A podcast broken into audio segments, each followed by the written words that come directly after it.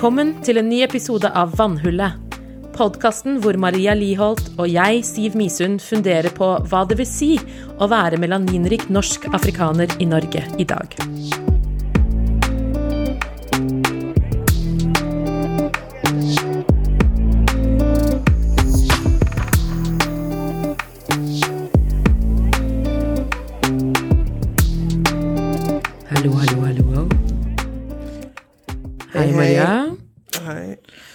Dag. Ja, da var vi her. Det er litt sånn blandet stemning i studio, er det det man sier? Altså, jeg sitter i morgenkåpe, så Jeg sitter i kosedressen, så her er good vibes. det er lungt. Mm. Her går det lugnt. Rolig morgen. Mm. Yes. Men ja, nei, altså Det skjer jo mye i, i verden. Mm. Ehm, så vi tenkte vi at vi må i hvert fall innom de tingene som skjer, og, og ja, det er vel kanskje veldig greit å si at det er ukas verste, for å si det Ja. sånn. Ja. Ganske sånn med godt trykk på verste. Mm. Og det er nye Ja, altså, saken mot han som drepte George Floyd, er jo i gang i USA, og så er det et nytt mord. Mm. Kan ikke kalle det noe annet, tenker jeg. Av en politi. Av en politibetjent som ikke tydeligvis ser forskjell på en taser og en pistol for eh, at et, et trafikkstopp, liksom. Altså, det er Så nå da er det en 20-åring som er død, liksom. Dante Wright. Eh, Og en toåring som ikke har noen far. Mm. Because you couldn't do your job. Og det er bare åh, jeg, jeg Jeg orker ikke, rett og slett. Det um, Og så er det en ny sak som har begynt å komme fram nå også, jeg har ikke fått satt meg ordentlig inn i den, for jeg bare kjenner at det, er litt nok, og da er det snakk om en 13 år gammel gutt med hendene i været. Altså, det er And still you get shot. Mm. Nei, det er Så eh, um, tenk, sånn det, Dette er så katastrofale eh, ja, konsekvenser da, Mm. av det vi snakker om her på podcasten. De derre Det å eh, Det at uansett hva du gjør, da, så blir du ikke trodd, eller du blir ikke eh, Du får liksom ikke the benefit of the doubt. Du får liksom Du er eh, det er andre spilleregler for deg, da, men de spillereglene endrer seg hele tiden, så du har liksom ikke mulighet til å henge med på hva du skal gjøre, på en måte. Og så Men er jeg det tenker at clouet er at det er egentlig ikke noen spilleregler, eller det er ingen riktige spilleregler for deg. Nei. Ikke sant? Det er bare andre som bestemmer. Så, så din Din frihet og ditt liv betyr noen ting så lenge noen andre bestemmer seg for, og da les Mm. The White System, bestemmer seg for at du er viktig eller ikke viktig. Mm. Så det er noen andre som sitter på den definisjonsmakten. Så det vil si at du kan vri og vende på deg for å prøve å passe inn i det systemet, men du vil egentlig aldri passe inn. Um, Og det er liksom Ja, øh, føler vi har snakket litt om det både denne sesongen og forrige sesong, om eh, sant? Man prøver fordi man er et eh, ordentlig menneske. Man er en, en person som følger lover og regler, og så prøver man da å følge og forstå hva er det jeg skal gjøre riktig nå, hva skal jeg ikke, ikke. Hva er disse spillereglene? Og så hvis man kommer til det eller og noen av oss kommer til det punktet ved at ja, men det er ikke noen regler for meg, så da driter jeg i alt, da. Og så blir du den personen de tenker at du er Altså, du, du blir Du blir en sånn selvoppfyllende profeti, da, ikke sant? Du blir en Også, stereotypi, da. Jeg tenker at det er Ja. veldig Hva er det hun um, Adichie som sier at um, hvis du viser et folk som bare én ting, og én Mm. ting og én ting og én ting, så blir de den tingen. Mm. Fordi det er den eneste løsning. Altså, det, det er det som blir utveien, på en måte. Altså sånn ja. Um, altså, det er jo det, ikke sant, at man kan De kan sitte her i Norge at ja, men det er ikke så ille og bla, bla, men jeg tenker det som skjer i USA nå, og andre steder, er jo det at dette er liksom the end point, da. Mm. det er her vi ikke ønsker å komme, derfor snakker vi om disse tingene. For vi Ja. kan ikke komme dit, da. Vi skal ikke dit. Eh, men det er liksom It's a highway there to, the, to that point, liksom. At vi kan eh, Det er ikke så mye som skal til, da, ikke sant. Så det er noe med bare å, å, at vi må holde på det vi har, og jobbe systematisk med dette her, så ikke vi ender der, da. Ja, ta det på alvor, tenker jeg. Mm. Og ikke tro at, at liksom Nei, vi er bedre enn det, så vi, vi ville aldri havnet i den situasjonen. Jeg tenker at det er den største feilen man gjør, altså, altså menneskeheten generelt, ikke sant. Altså det, Vi ser jo det at Man snakker jo ofte om det at historie gjentar seg, og det gjentar seg, og det gjentar seg, og det gjentar seg. Og det er et mønster jeg tenker at vi alle eh, er en del av. Så alle kan gjøre den feilen. Det er liksom helt uavhengig av farge, eller liksom at, at, at Jeg tenker at vi må heller ha det utgangspunktet, da. At vi har Det ligger i oss alle at vi kan diskriminere, det ligger i oss alle at vi kan eh, undertrykke, at vi kan gjøre disse tingene. Og så er det hvem som sitter på makten, hvem er det som har den eh, makten nå? Mm. Sant? Ikke sant. Eh, og så må man se men på systemene og, og hvordan de fungerer, og hvordan de er satt opp. Og hvem Mm. er det som har laget det utgangspunktet eh, for hva som er normen og normalen? Mm. Litt sånn uh, si, Som jeg sier til øh, mine konfirmanter når vi leser om, vi bruker, sant, leser om bibelske personer og sånn, og hvordan disse, altså disse tekstene er skrevet for hvor mange tusen år siden, liksom. Men vi mennesker vi har, vi har kanskje flyttet oss én centimeter, da, Ja. på utvikling fra de tekstene ble skrevet. Det er sånn Å ja, vi kjenner Ja, jeg gjør akkurat det, og så gjør jeg det og det, og så kjenner jeg noen som gjør sånn, og så Ikke sant? Og, og det er eh, jeg syns det er trist å se at, at jeg kan kjenne meg så godt igjen i de tekstene du har skrevet for 5000 år siden, da, ikke sant? Eller fire eller år, jeg husker ikke. Nå stryker jeg kirkehistorie, men det går greit. Ja, nei, det er jo det, Maria. Det er jo det. Jeg føler at dette er ditt felt. Jeg bare? Men bare det at det er eldgamle tekster, og de er like relevante nå, det er ikke en positiv ting. Nei, sånn.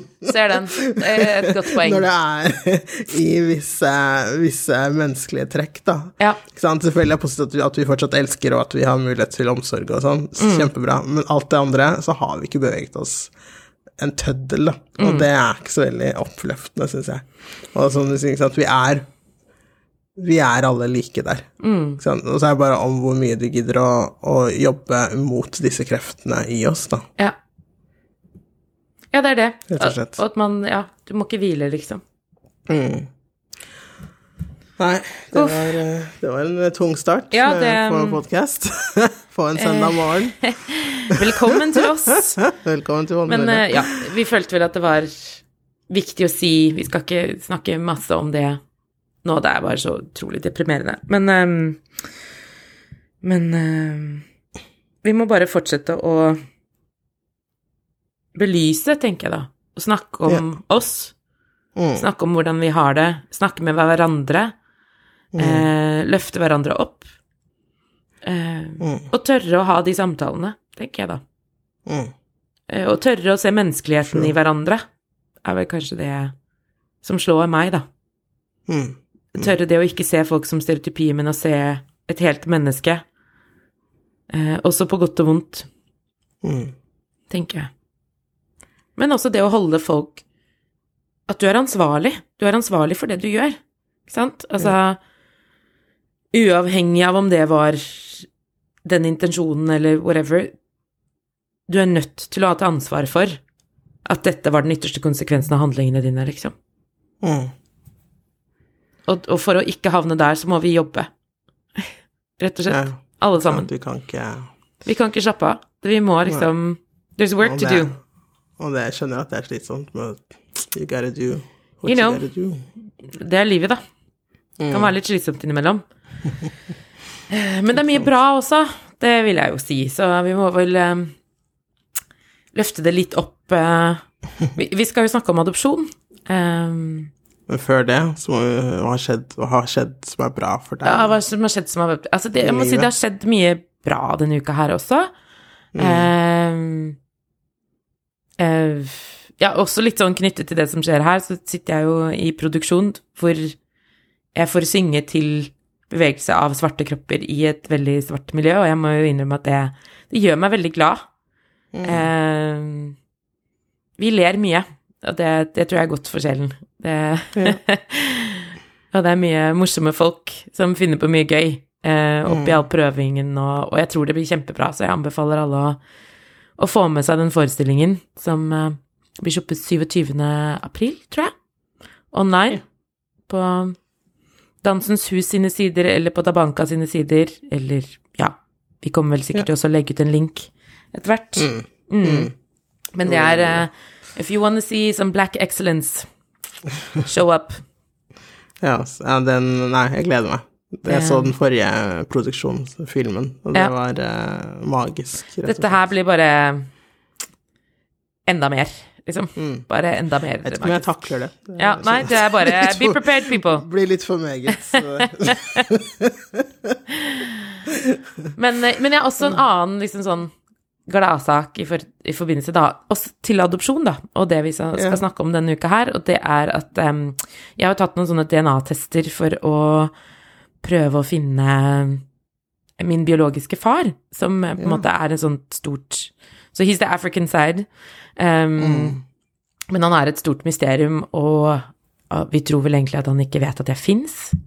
Mm. Som jo Det er litt sånn spesielt i seg selv. Men mm. uh, Og jeg har tatt en test før som jeg ikke kom så veldig mye nærmere med. Fant liksom bare veldig, veldig distant og ikke noen folk som visste noen ting. Mens nå så tok jeg 23andMe, og da fant jeg en som liksom På amerikansk heter det sånn First cousin once removed. Som betyr at vi antageligvis har en besteforeldre eller oldeforeldre felles, da. Yeah. Yeah. Så det er det nærmeste jeg har kommet. Um, men han sendte meg en melding, eh, og så skrev jeg tilbake, og det er tydelig at de holder på med masse sexforskning. og de bare 'Nei, men vi mm. tror at du hører til på fordi du ligner på bestefaren vår', og bla, bla, bla. eh, og sånn og sånn, og dette skal vi finne ut av, og 'velkommen til familien'. Ah, um, det var altså en så utrolig fin melding å få. Mm. Um, så det er min sånn skikkelig gladsak, også knyttet til uh, ukas tema. Nice. Yes. Ja, det er veldig, veldig spennende. Gleder meg til, å, til fortsettelsen. Ja, det blir spennende. Og han er jo da fra det området Eller han bor liksom i det området hvor jeg vet at jeg ble unnfanget, er det det man sier? Um, ja. Så han kjenner liksom til Så når jeg fortalte historien, da, så var han bare sånn Å, men det vet jeg masse om, og liksom Jeg har snakket med søsteren min, og ja, ja, men dette finner vi ut av, og, og liksom Så de har masse navn og ting, liksom, og historie mm. bakover og sånn, så det er veldig spennende. Gøy. Så. Og med, hva med deg da, Maria? Mm. Nei, altså, jeg har jo hatt en tilnærmet normal helg, altså normal, som betyr uh, from the before times. before times, ja. Mm -hmm. yes. Mm -hmm. uh, og det var eh, På fredag så var jeg på Var jeg en bursdag uh, til Milgo, vår gode venninne Milgo, mm -hmm. som ble shout 35 out. år. Yeah, shout-out. Eh, og hennes gode venninne eh, og venninnens eh, samboer, de inviterte da meg med på bursdag for å feire Milgo. Nice. Og det var Å, det var så gøy. Og det var sånn Oi, jeg, nå er jeg inne i et hus eller leilighet jeg aldri har vært i før, og da folk jeg ikke kjenner seg på. Det var sånn Jeg er på venners venners fest, vi er bare fire, but still, it's venner venners fest, liksom. Og, og venninnen til Milgo er kokk, så det var bare helt amazing mat. Tapas, sånn ti retter, forskjellige små retter Åh, masse god vin og gode samtaler, og jeg spiste jo til jeg fikk vondt i magen. Altså, det var helt fantastisk. Good life. Ja, virkelig. Jeg var sånn Det er sånn her livet var, ja. Ok, greit. Eh, men jeg sluknet jo egentlig Egentlig skulle jeg dra klokken elleve. Eh, pappa skulle hente meg. Og så var jeg sånn Nei, men jeg blir, det var så koselig når det nærmer seg sånn halv elleve. Jeg blir ikke tolv, liksom. Men jeg skulle dratt elleve, for da elleve så var jeg Da var du ferdig? liksom, ja. Da satt jeg sånn duppa i samtalen og var helt ute. Jeg har ikke trent opp på det der. Nei, så det var eh, superhyggelig. Og så lørdag så var jeg, jeg jo med noen venninner og deres familier var jo på eh, stranden her ute på Fornebu. Ja. Og eh, de barna var jo bare Altså, de kunne løpe langt uten at du har så god oversikt, så de følte at de var liksom selvstendige. Så kom de tilbake og tok seg en pølse, gravde litt i sanden.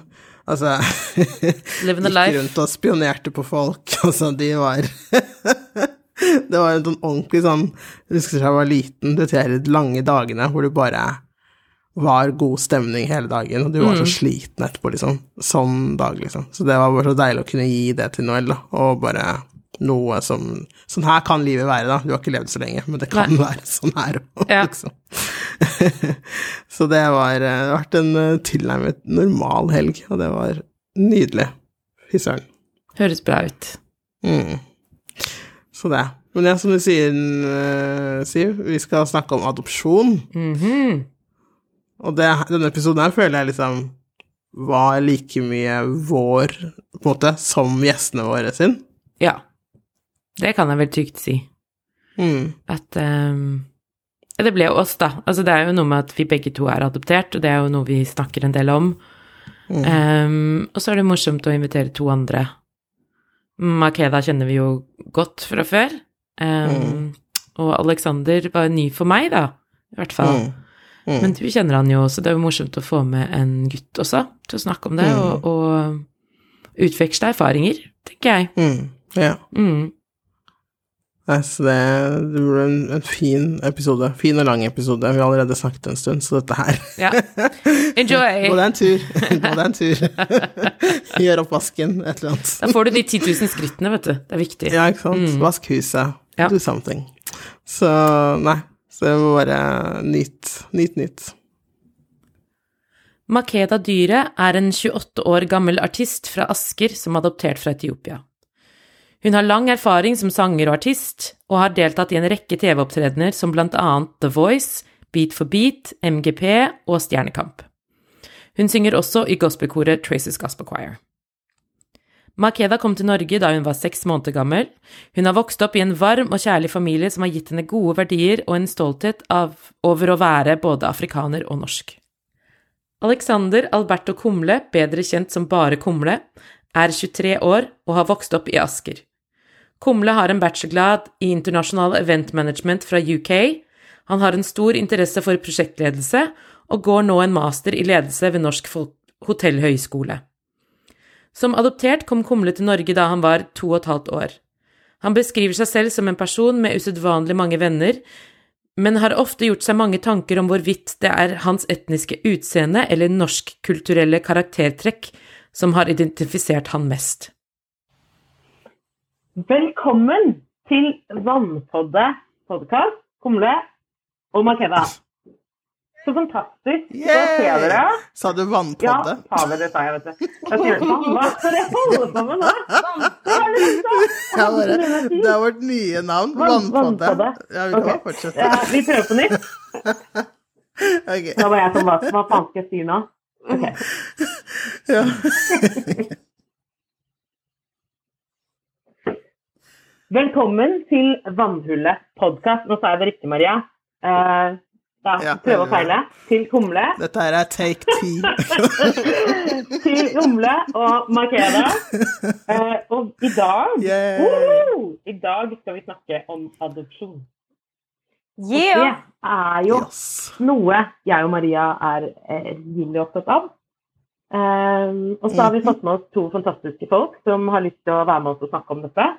Eh, og vi gleder oss så mye til å snakke med dere. Takk for at dere er her. Takk for at dere stiller. Um, og dette er jo et sånt tema som ja, folk forholder seg veldig forskjellig til både det å være adoptert, eh, og jeg regner med at det er mange der ute som kanskje ikke vet så mye om det, ikke har noe erfaring med det, og ikke helt vet hvordan de skal snakke om det med folk som er adopterte. Eh, så jeg tenker at eh, det var, Jeg tenkte at det var greit å begynne med at vi alle sammen går en sånn runde, akkurat som vi sitter i en sirkel alle sammen. Um, og forteller uh, litt kort om vår adopsjonshistorie. Bare sånn for å sette en ramme for dere som hører på. Um, Kumle, kunne du tenke deg å begynne? Absolutt. God eh, lørdags ettermiddag til dere flotte kvinner, er vel det jeg må si til dere. I og med at jeg er uh! Riktig. Jeg er da Kumle. Riktig. Yes. Alexander Alberto Kumle er mitt fulle navn. Jeg er 22 år, født i Cali i Colombia. Så ble jeg adoptert og kom til Norge når jeg var to og et halvt år. Da bodde jeg noen år i Bærum, men har vokst opp i Asker. Og jeg eh, var veldig glad for å bli invitert til eh, Vannhull sin podkast. Jeg eh, valgte å stille opp av to hovedårsaker. Den ene er fordi jeg er veldig glad i å snakke om dette med adopsjon, så jeg ønsker å kunne dele litt mer av min historie. Og den andre årsaken er at jeg ønsker å kunne gå fram som et eksempel for andre med tilsvarende bakgrunn, og vise at det ikke er noe farlig nødvendigvis å snakke om tematikken rundt adopsjon. Da. Så det her tror jeg kan bli veldig spennende. Så tusen takk for at jeg får lov til å være her. Vi gleder oss. Makeva? Kult. Eh, nei, jeg heter eh, Skal jeg si hele navnet mitt, liksom? Du er... Ok, Ina Makeda Halvorsen Dyhre. Mhm. Jeg er 28 år. Mm. Jeg er adoptert fra Etiopia. eh, Og jeg vokste opp i Asker. Jeg også. Hvor gammel var du da du ble adoptert? Jeg kom til? Norge da jeg var seks måneder. Så eh, Så ja. Jeg og lillebroren min. Han er to år yngre, da. Så han kommer litt senere. Men eh, Ja, hva kan jeg si? Liksom, vi skal jo gå dypere inn på det, men, men eh, bare for å starte, så adopsjon har vært veldig positivt, da. I, Mm. i, min, eh, min verden og i mitt liv. Uh, Mm. så, og jeg syns også det er et veldig fint å kunne snakke om det på, Mm. på en positiv måte, for det er den Mm. opplevelsen jeg har hatt. Uh, Mm. så, så ja. Mhm. Takk. Nice. Hyggelig at du er her. Uh, og Maria? Mm. Yes, jeg har også et langt navn. Maria Marminatu Kroktoft Liholt. Eh, født i Freetown, Sierra Leone. Eh, jeg ble Min adopsjon startet da jeg var tre år, eh, men jeg kom ikke til Norge før jeg var fem. Så det tok litt tid. Og jeg er da oppvokst i Oslo, Hauketo. Represent. Mm, mm. Og jeg gleder meg masse til å snakke om med dere om dette her. Det tror jeg blir en, en interessant ja. affære. Ja. Dette her føltes Ja, ut som en konkurranse i å ha lengst navn. Ja, du? taff. tapp. sier det føltes ut som en Ja, ja, konkurranse. å- eh, Alexander, du tapte den konkurransen. Eh, nei, Du har bare tre navn. jeg tror det er jeg som taper den konkurransen. For jeg skal jo da si at Ja. jeg, jeg heter jo Siv Iren Misund. Eh, så jeg definitivt Ja, Ja, jeg har tre navn, men de er ganske korte. Så, så jeg tror jeg tapte den konkurransen. Eh, og jeg er da Jeg ble vel adoptert da jeg var sånn seks måneder, men jeg er født i Moss. Kjempespennende. Woop, woop. Eh, og vokste opp eh, i, ja, utafor Fredrikstad, et sted som heter Slevik. Eh, veldig lite. Du dro ikke Så, langt. nei, jeg dro ikke veldig langt. Jeg holdt meg i Østfold-regionen. Så, Moss Fredrikstad. men jeg har jo da eh, norske og norsk-afrikanske røtter. Så jeg har jo alltid på en måte visst at eh, jeg skulle egentlig vært et fosterbarn, er min historie, da. Eh, og jeg var de Mm. første tre månedene av livet mitt var jeg på barnehjem eh, i Oslo. Mm. Eh, og så kom moren min og sa at dette barnet Fun fact, de trodde jo at eh, det var noe galt med meg. Don't say it! Så jeg bare Ja, de hadde rett. Mhm. Jeg har hørt det ganske mange ganger. For jeg var eh, veldig stille, tro det eller ei, på barnehjemmet. Mm. Things have changed. Ja. Ja, herlighet. Det er noe galt med deg fordi du er stille. Ja, og så i dag når man vet mer om, om hvordan Ja. barn oppfører seg, så vet man jo mer om at det var en reaksjon på om det som skjedde rundt. rett og slett. Jeg var på et barnehjem hvor det var mye barn som trengte mye ekstra.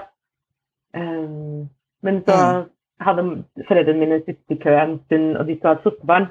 Og så ringte mamma en dag og så bare 'Har dere et barn til meg?' Uh, og de bare 'Ja, nei, det er en, en sånn kid her, som, men hun er litt rar. Jeg tror ikke du vil ha henne.'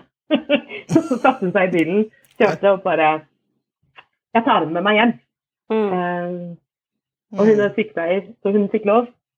Eh, og, Mm. og så etter hvert så bestemte da min biologiske mor seg for å adoptere meg bort. Mm. Fordi at hun mente det var det beste. Så det har jo også hatt en veldig positiv opplevelse og, og følt at det var en riktig beslutning som ble tatt Mm. for å ja, gjøre det best mulig for meg, da. Eh, men jeg har jo da Mm. Jeg vet at på farssiden så har jeg da afrikansk opphav, og det er liksom norsk afroamerikansk, er det vel det det blir. Um, Mm. Og i det siste, som voksen, så har jeg jo tatt, eh, tatt um, sånn DNA-test. Mm. Um, Mm. og da funnet at det er en ganske stor diaspora der. det er mye greier. så Ja, det er vi vel Ja, alle sant. et eller annet- på et eller annet så inneholder vi mye. En liten cocktail med Ja. noen morsomme saker. Mm. Litt av Aperol Spritz. jeg gleder meg veldig Aperol Spritz, faktisk. Altså, jeg er en tropical Det drink. er først jeg kom på cocktail. ja. Jeg gleder meg veldig til å snakke med dere i dag. Jeg syns det er så fint å Mm. kunne snakke med dere. Um, og kunne få grave litt. Og høre og, og hva dere har opplevd, hvordan det har vært for dere. Og ja, både om hvordan det er å være adoptert, men også hvordan det bare er å være dere som mennesker, tenker jeg da. Mm. Um. Så jeg tenker at eh, la oss bare hoppe rett inn til Mm. første spørsmål. Um, og hvordan det er Altså hvordan det å være adoptert har påvirket deg og formet din identitet. Good question. Eh, jeg vil først og fremst si at, det, at liksom det har vært en stor del av det når det kommer til den forminga av eh, identitet osv., har vært liksom en sånn eh, Hva kan man si En jobb for foreldrene mine i starten. Mm. Det å på en måte eh, Ja, de, de tar jo med seg et barn liksom fra et Mm. annet land. Og, og det, det å være klar over at de tar med et annet barn som ikke ser ut som, som dem, Som dem. Mm. eh, og kommer til et hvitt land. Eh, og, og deres oppgave da har vært Ja, i min situasjon da, med foreldrene mine, det med å liksom bare dyrke hvor jeg er fra. Aldri prøve å ta det bort fra meg.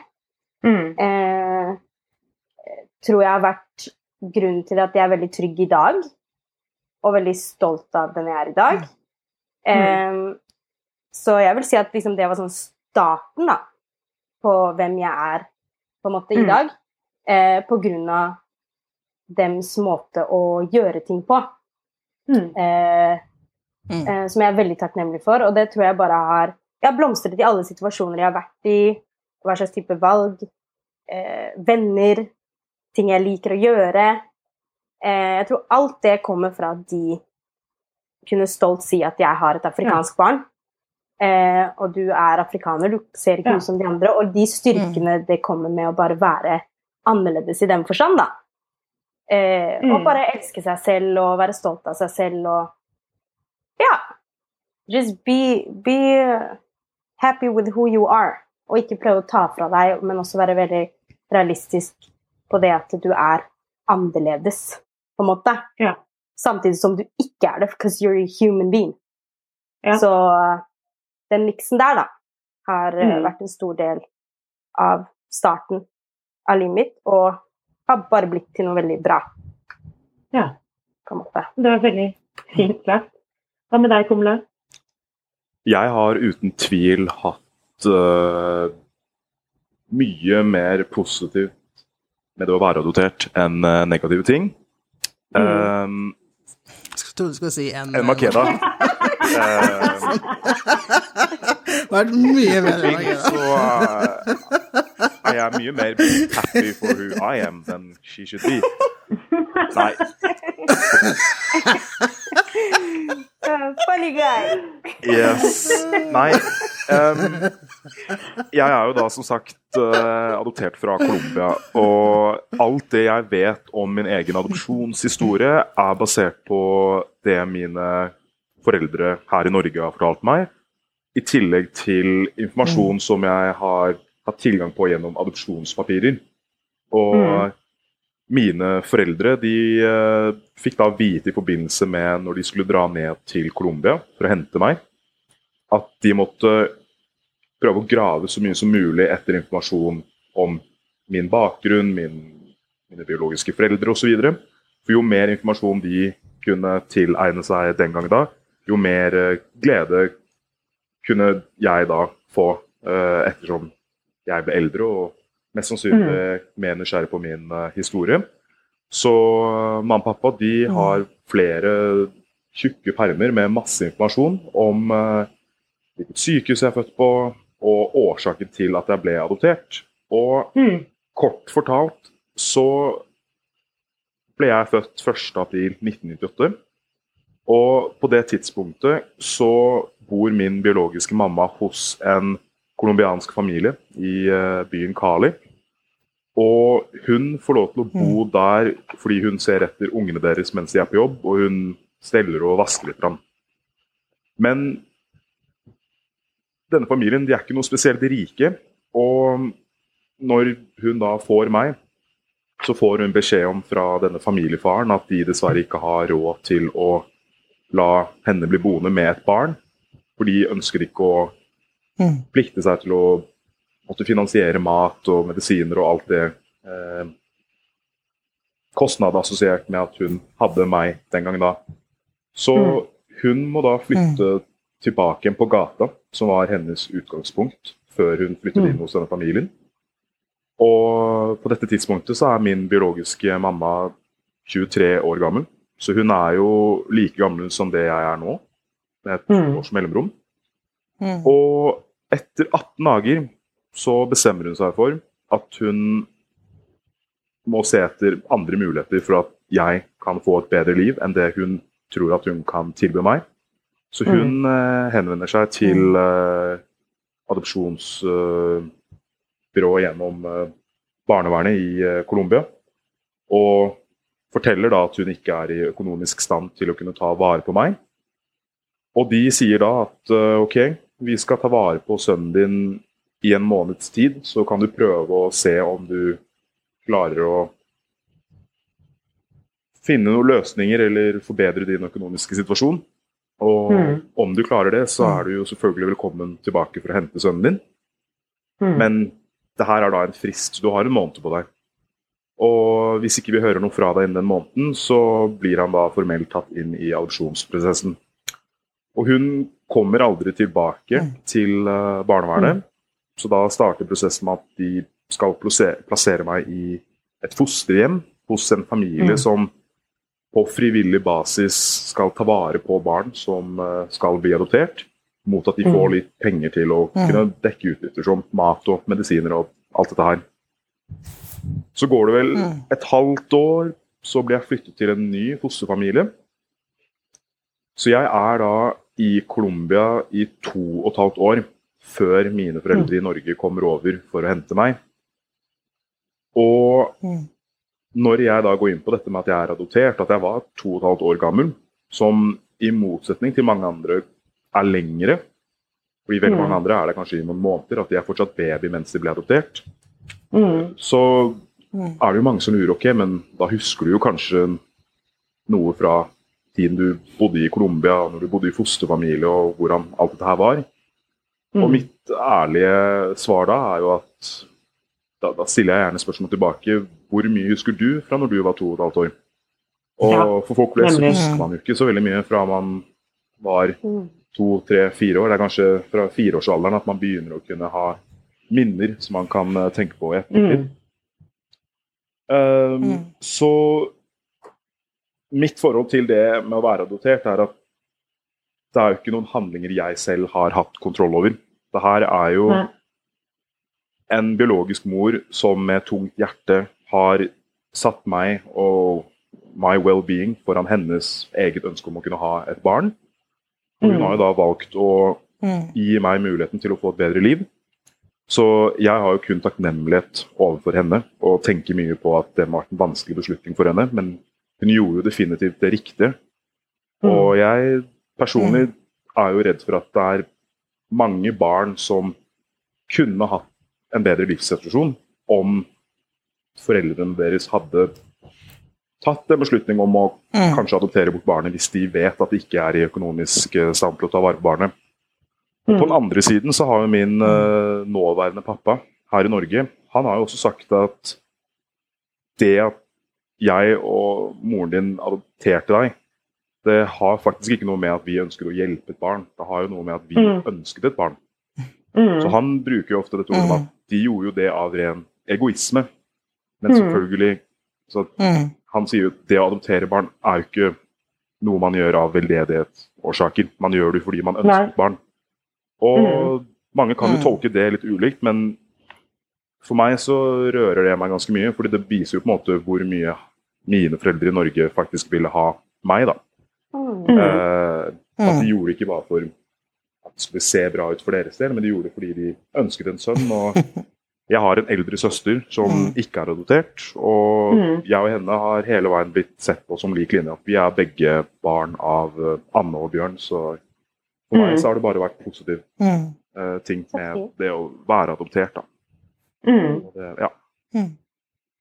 Jeg tror det er viktig det du sier der med at, at det var jo et ønske fra deres side også. Altså, jeg vet i hvert fall det med, med mine foreldre også, at de ønsket seg jo et barn. Det var jo ikke fordi at de Mm. altså, ville gjøre en god gjerning nødvendigvis. Og jeg har også den samme historien at, altså, at min mor var i en situasjon hvor hun ikke kunne ta vare på meg, da. Eh, og hun bodde jo i Norge, men eh, Og det var mange grunner til det. Hun var veldig ung, hun var 17. Og hun var jo hjemme, og møtte jo foreldrene mine. Eh, men altså det du sier, jeg kjenner meg veldig igjen i det du sier om å ha en historie. Og at foreldrene dine har prøvd å samle på eh, det de kan. Og prøve å, å fange opp det de kan for å gi deg en følelse av at, at eh, For meg i hvert fall har det betydd tilhørighet. Eh, og en, en følelse av å være viktig, og, og, og også ha en slags kontroll over min historie. Jeg vet ikke hvordan det er for deg. Nei, jeg er helt enig. Jeg er veldig takknemlig for at mine foreldre gjorde en eh, stor innsats med å gjøre så mye som mulig research. Både på forhånd og under Mm. deres eh, opphold når de var i Colombia for å hente meg. Og også i etterkant. Fordi de bestemte seg fra dagen de sa at jo, vi ønsker å adoptere, at de ville ikke legge skjul på noe som angår meg personlig. Mm. Så det betyr mye. De har vært veldig åpen om det fra dag én. Og når Mm. folk spør meg ja, husker du at du på en måte har fått nye foreldre, så er svaret nei. Fordi for meg så har de eneste foreldrene mine har jo vært mamma og pappa her i Norge. Mm. Og mamma var veldig klar på eh, fra tidlig alder, når jeg begynte i barnehage i Bærum og i Asker, at det er viktig at jeg forstår forskjellen på en biologisk mamma eller en biologisk pappa, og det som er Mm. foreldre. Så jeg har hele tiden vært i stand til å kunne medfortelle andre folk, f.eks. når jeg da var barn og andre barn kom bort til meg og spurte ja, hvor er moren din, f.eks. Vi Mm. kunne jo tydeligvis se at hun som var faktisk min mamma her i Norge, lignet jo ikke på meg i hudfarge, i og med at jeg er mørk i huden. Mm. Og da klarte jeg som oftest uten problemer å si at nei, min mor hun står der. Så pekte jeg på mamma. Men hvis du tenker på hun som har født meg, min biologiske mamma, så er hun i Colombia nå. Og det at mine foreldre i Norge har gjort meg veldig eh, forberedt på å møte slike spørsmål, har gjort det Mm. veldig mye lettere for meg i ungdomstiden og nå i senere tid. At jeg hele tiden har følt at jeg har sittet med nok informasjon til at jeg kan ta eierskap i å fortelle mine store. Jeg har ikke hatt Mm. behov for at mamma og pappa må liksom hoppe inn og si at nei, Alexander han er adoptert. Altså, jeg har fått lov til å Mm. fortelle det selv, da. Så det er jeg glad for. Mm. hvordan har det vært for deg, Makeva? Jeg tenker på også sånn spørsmål når man vokser opp. Jeg vet ikke om du husker Har du noen sånne opplevelser? Og, og, det kan jo være veldig forskjellig for oss alle sammen i forskjellige stadier når vi opplever å håndtere det. Som voksne er det kanskje enklere enn når man er yngre. Mm. Jeg, jeg kan ikke si at jeg husker sånn veldig mye fra da jeg var veldig Mm. ung. Men, man, men jeg vet jo at det har kommet spørsmål når man går kanskje på barneskolen og ditt og datten sånn Hvor er du Mm. fra? Men det er da jeg mener at det fundamental eh, På en måte Hvordan de eh, Hvordan foreldrene mine har liksom eh, gjort meg så trygg på hvem jeg er, så har jeg liksom aldri sett det på en negativ måte når folk spør. Jeg, Mm. jeg tok det mer som om de er nysgjerrig. Jeg føler jeg også hadde den kanskje, den kanskje den lille styrken og den kraften til å se det i veldig ung alder. Og når du er ung, så tenker du kanskje ikke på det heller. På samme Nei. måte som når du er eldre. Da blir det litt mer sånn åh, really? Jeg mener. Men når man er liten, Ja. så leker man jo bare og tjo og hei og 'Hvor er du fra? Hvorfor er du mørk i huden?' Eller 'Å, du har sånt hår', ikke sant. Så kan det si, komme litt spydige kommentarer, men du Mm. vet ikke fordi du er liten. Så det blir bare Mm. sånn 'Å, sånn er jeg'. Mm. Eller jeg, jeg er mørk. Jeg er bare som jeg er. Eller jeg, jeg tror jeg kan huske at jeg, jeg har sagt, som mamma fortalte meg, da, at jeg bare var sånn Jeg er fra Afrika. Og det var bare sånn Det var jeg. Jeg var fra Afrika. Og jeg husker når vi også reiste på tur Igjen, jeg husker ikke, moren min husker. At liksom, Første turen til Amerika, da satt jeg foran på bagasjen der. Og da hadde jeg bare vinket til folk som var like som meg. For det var plutselig masse Ja. mørke. ikke sant? Jeg hadde bare vinket og bare Jeg tror jeg til og med hadde sagt jeg er fra Afrika til folk. Ikke sant? Bare sånn random. «Ah, jeg er Afrika. Å, å ja, jeg har sagt til mamma sånn Å, han er Afrika, hun er Afrika. Sånn Jeg tror jeg bare følte sånn Jeg vet ikke. Jeg bare mener virkelig at foreldrene mine har bare fått meg til å være, ha en sånn ro over meg. Og det er meg. Og vi er Ja. ulike, men det er kjærlighet Mm. som er liksom i bunn og grunn. Og, Mm. og ulikheter er det, men det er Men de er ikke liksom noe farlige. Ikke sant? Mm. Jeg er mørk, du er lys. OK. Hei, hei. Vi leker fint sammen. Vi har det bra, vi er glade, vi ler. Mm. Um. Eh, men jeg vil si at nysgjerrigheten Jeg liker å bruke det som et ord. At folk Mm. er nysgjerrig, og derfor spør de. Jeg velger å se det på den måten. Eh, eh, ja. Så det har egentlig gått fint, vil jeg si, da. Ja, men altså, Det er jo bare morsomt. å, det er jo ikke det som det nødvendigvis trenger å gå dårlig. tenker jeg. Ja, Eh, eller at man Men det er jo bare hvordan man er rustet. Ja, men også Ja. hvordan man er rustet til å forholde seg til det som skjer med en. Og jeg tenker at det er jo det som også er så ulikt. Jeg tenkte, Maria, jeg skulle Mm. spørre deg, men jeg vet i hvert fall at jeg hadde noen sånne historier da jeg var liten. Jeg husker en gang, jeg tror det var akkurat når jeg hadde begynt på skolen. Um, jeg liksom Jeg hadde jo helt sånn kort hår da jeg var liten. Og, takk, mamma. Snakket om det i går. Mm. sånn liten sånn guttesveis. Eh, og alt etter meg var jo langt blondt hår og liksom som alle andre. Mm. Um, og så husker jeg at det var noen barn som de hadde plukket opp da selvfølgelig at jeg var adoptert. Uh, og uten at jeg kan si at jeg tror de ungene egentlig skjønte hva det betydde, men de skjønte såpass at liksom dine foreldre quote unquote, er ikke dine foreldre, liksom. Så husker jeg det var en eller annen kid som kom Mm. opp til meg og prøvde sånn eh, Du hører egentlig ikke til. Og Mm. da vet jeg at foreldrene mine var veldig gode på å på en måte gi meg en følelse av tilhørighet. da. Og at de hadde valgt meg. Det var akkurat jeg som skulle være hos dem.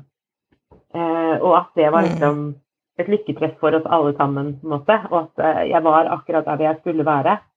Jeg husker at jeg svarte denne altså Jeg bare så på han og bare tenkte sånn at Du har bare så misforstått, liksom. ja, det var sa til han sånn Men nå skal du tenke på det at mine foreldre, de valgte meg. Dine foreldre, de bare fikk deg. Du bare kom ut. De fikk ikke se, de fikk ikke velge, de hadde ikke noen alternativer. Og jeg husker han kidden bare Det hadde han aldri tenkt på. Og ansiktet hans er bare altså jeg Antakeligvis traumatiserte jeg han for resten av livet, liksom. Jeg, altså, gudene vet. Men han begynte å grine, og det var bare. Og han løp av gårde. Det var ikke noe Det skjedde aldri igjen, for å si det sånn. Men jeg husker det var bare så naturlig for meg. da, bare, Mm. altså, du, bare, du Mm. bare dukket opp, og så måtte de bare Ja ja, det var vel den kiden vi fikk, da. Mens jeg, jeg var litt spesiell, Mm. fordi jeg hadde blitt valgt. Så jeg tenker det er mange måter å forme det på. Ja. Jeg husker jeg har to sånne bilder som dukker opp i, i hodet mitt. Den ene er Jeg har fortalt den før om at eh, de i barnehagen lurte på hvorfor eh, jeg hadde flat nese. Eh, og så spurte jeg mamma da eh, hvorfor har jeg flat nese. Og så eh, er mamma Hun har veldig mye fantasi, da. Er veldig glad i litteratur og eventyr og alt spent på hun bare startet da, hun bare Jo, fordi da du bodde i Afrika, så lå du ute og sov, og så kom det en liten skilpadde og la seg på nesen din, og så sovnet den skilpadden der. Og så når hun våknet og gikk, så var nesa di flat. og jeg bare wow, skilpadde, dritkult. Så da fortalte jeg det i barnehagen, og jeg var den kuleste i barnehagen. Selvfølgelig. Liksom. Fordi jeg hadde hatt en skilpadde som sovnet for meg. Så det var liksom det ene, ene sånn bildet som kom i rommet mitt. Og det andre er Da går jeg på barneskolen, slutten av barneskolen, og så er det en som skal ha type sånn den gutten som eh, Siv snakker om, som skal liksom bare Ja, ja, du er bare dritt, liksom. Og så og så fikk jeg bare sånn Nå skal jeg spille så sjukt på dere som eh, dårlig samvittighetsstrenger. så ja, jeg var faktisk gatebarn. og så lager jeg den historien. Oh, Maria. Og de bare Seriøst? jeg bare ja, ja, gikk rundt. Og de fikk så dårlig samvittighet, så jeg var sånn Altså, så pass på hva du sier, liksom. Jeg var ikke langt ifra gatebarn. Det er de to som kommer Ja, så jeg lærte vel det å lage litt eventyr og historier, kanskje. Men jeg har jo ofte da tenkt mye på dette her med forskjellen på å være adoptert fra et annet land i en helt annen Mm. verdensdel, kontra det å være adoptert her i Norge. Og Mm. jeg har jo ofte tenkt at kanskje er det litt vanskeligere for de av oss som er eller Mm. de av oss som er adopterte, som er adoptert fra Norge, å vokse opp med den viten om at mine biologiske foreldre er jo i det samme landet, og det blir kanskje Mm. litt mer kluss i det. Fordi For meg så har det vært veldig lett å tenke at Mm. ja, ja, jeg ble adoptert av ganske logiske årsaker. Moren min Mm. i Colombia hun hadde rett og slett ikke råd til å ha meg, fordi i Colombia så er det mye fattigdom. og Jeg har på en måte alltid kunnet stelt meg bak mye logikk og, og årsak som Mm. folk flest forstår. At ja, ja, det er jo typisk land, eh, Colombia eller om det er Etiopia, altså, ikke sant. Men når du hører folk som er adoptert i Mm. Norge, som var nok mye mer vanlig kanskje 10-20-30 år før du selv ble adoptert, Siv, eh, Ja. så, så er det kanskje litt mer spesielt i det. For da tenker folk at hæ? Du, så dine foreldre i Norge kunne ikke ha deg, men Norge er jo et så mye bedre land, og da må det jo ha gått skikkelig gærent, da. Mm. Så, så Mm. jeg, jeg syns jo det er ganske unikt, da, å høre slike historier som det, på en måte. At man nesten kan, altså, ikke sant.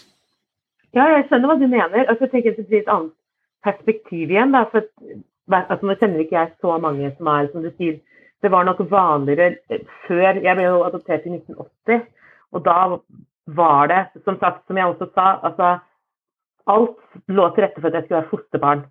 Det var ikke naturlig å tenke at jeg skulle bli adoptert. Eh, så det var rett og slett en eh, beslutning som ble tatt av min eh, biologiske mor, og at mine foreldre sa ja til det. På en måte. De hadde stilt seg villige til å på en måte være fosterforeldre. Og hun skulle da, Opplegget var liksom at hun skulle komme en gang i måneden. Og så var hun hos foreldrene mine én gang. Så hun har jo alltid visst hvor jeg bodde og, og alt sånt. Og mine foreldre har alltid hatt en åpen dør-policy. Så de har alltid vært forberedt på at hun kunne plutselig stå der. Eh, men det har hun jo ikke gjort. Men, eh, men for henne så var hun var ung, og hun fikk ikke den støtten hun skulle Kanskje man kunne sagt skulle ha fått hjemme. Jeg vet jo nå som jeg er voksen og vet mer av historien, så vet jeg jo at um, Det høres litt sånn vilt ut når jeg tenker på det, men jeg vet at hun um, har Resten av familien hennes vet ikke at hun har født et barn og gitt det bort. Det er bare hennes mor og hennes stefar som vet det. Ja. Uh, og det er mye av grunnen til at vi også i dag ikke har kontakt. Vi har hatt kontakt en periode, men vi har ikke kontakt nå. Uh, og det er rett og slett Jeg er på en måte familiens store hemmelighet. Uh, og den biologiske faren min har jeg et navn på, men jeg antar at han aldri har blitt fortalt at jeg er fin. Så han har aldri blitt spurt. syns jo liksom at det du forteller nå, det, det høres jo mye mer sånn kanskje sårbart ut å tenke på enn f.eks. jeg og andre som har en litt mer sånn Ja, du er adoptert fra et fattig land. Det var, det var ikke penger, som ikke er uvanlig i slike land. Altså, ja, så, så det er jo det, er, det er spennende å kunne snakke med folk som er adoptert Mm. fra, fra Norge eller utenfra i Norge. da, så Jeg tenker at det kan være en god påminnelse da, til oss alle at, at det å være adoptert nødvendigvis ikke alltid eh, Det er ikke rosenrødt og det er ikke liksom bare grå skyer. Det er et sted imellom. Eh, og det innebefatter så utrolig mye forskjellige opplevelser fra og, og det å bli adoptert i sitt eget land. Altså, selv om jeg er jo på en måte Mesteparten av meg er norsk, så ser jeg ikke norsk ut. Altså sånn, Etter å ha møtt min biologiske mor også, så vet jeg at jeg ligner på faren min. Jeg har fått veldig mye fra faren min, og han er vel kanskje den jeg vet minst om. Um, men jeg vet at det er masse likhetstrekk. Uh, og foreldrene mine har jo alltid prøvd å på en måte fange opp det de kan. Så jeg har jo bedre bilder av min biologiske mor hjemme hos oss. For de passer jo på å ta bilder. ikke sant? Og sånn som deg, så har de på en måte samlet på den informasjonen de kunne få ved å ha samtaler med denne unge jenta som kanskje ikke var så gira på å snakke fordi hun var redd. Um, og jeg har jo også i min tid tenkt på liksom, hvem er disse menneskene som sitter i Norge og, og tenker at liksom, nei, vi kan ikke hjelpe deg. For hun, som jeg har forstått det, så fikk hun beskjed om at det, er- det er oss eller barnet.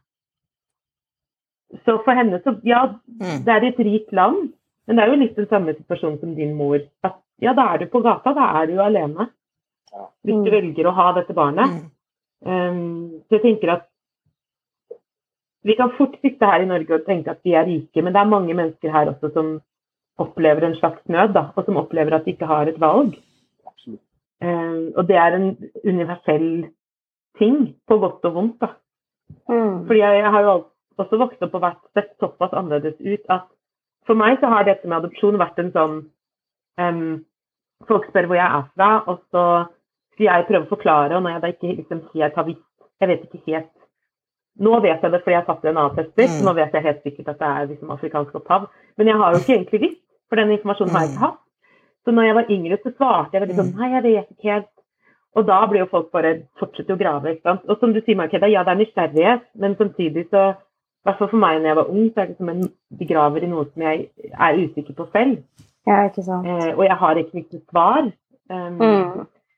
Og da, for dem tror jeg det var mange som liksom Å, du er adoptert, ja. For, fordi de automatisk trodde at jeg da var utenlandsadoptert. Mm. Men når jeg da tilføyer at ja, men jeg er adoptert fra Norge og fra Moss sånn. yeah. Så når jeg vokste opp i Fredrik, så er jeg bare sånn Hva? Um,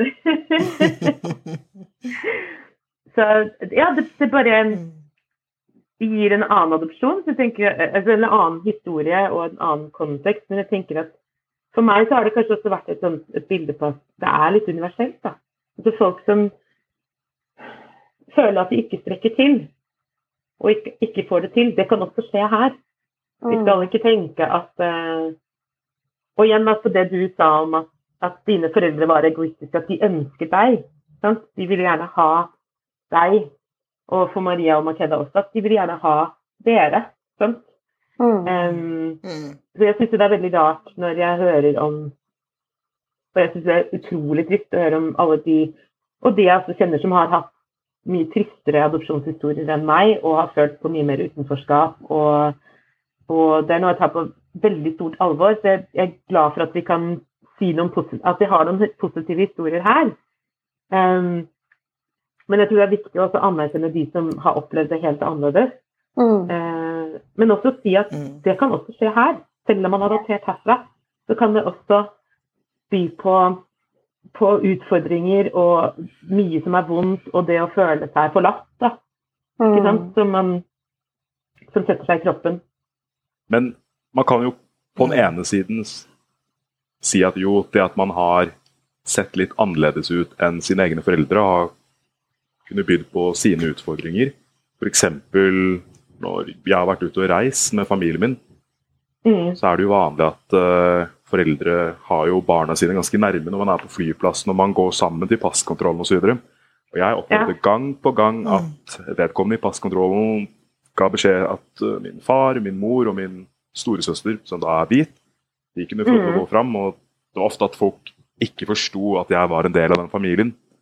Og i senere tid så ser jeg jo at det kan være vanskelig å se at han mørke gutten der er med dem, når det er Mm. masse folk der.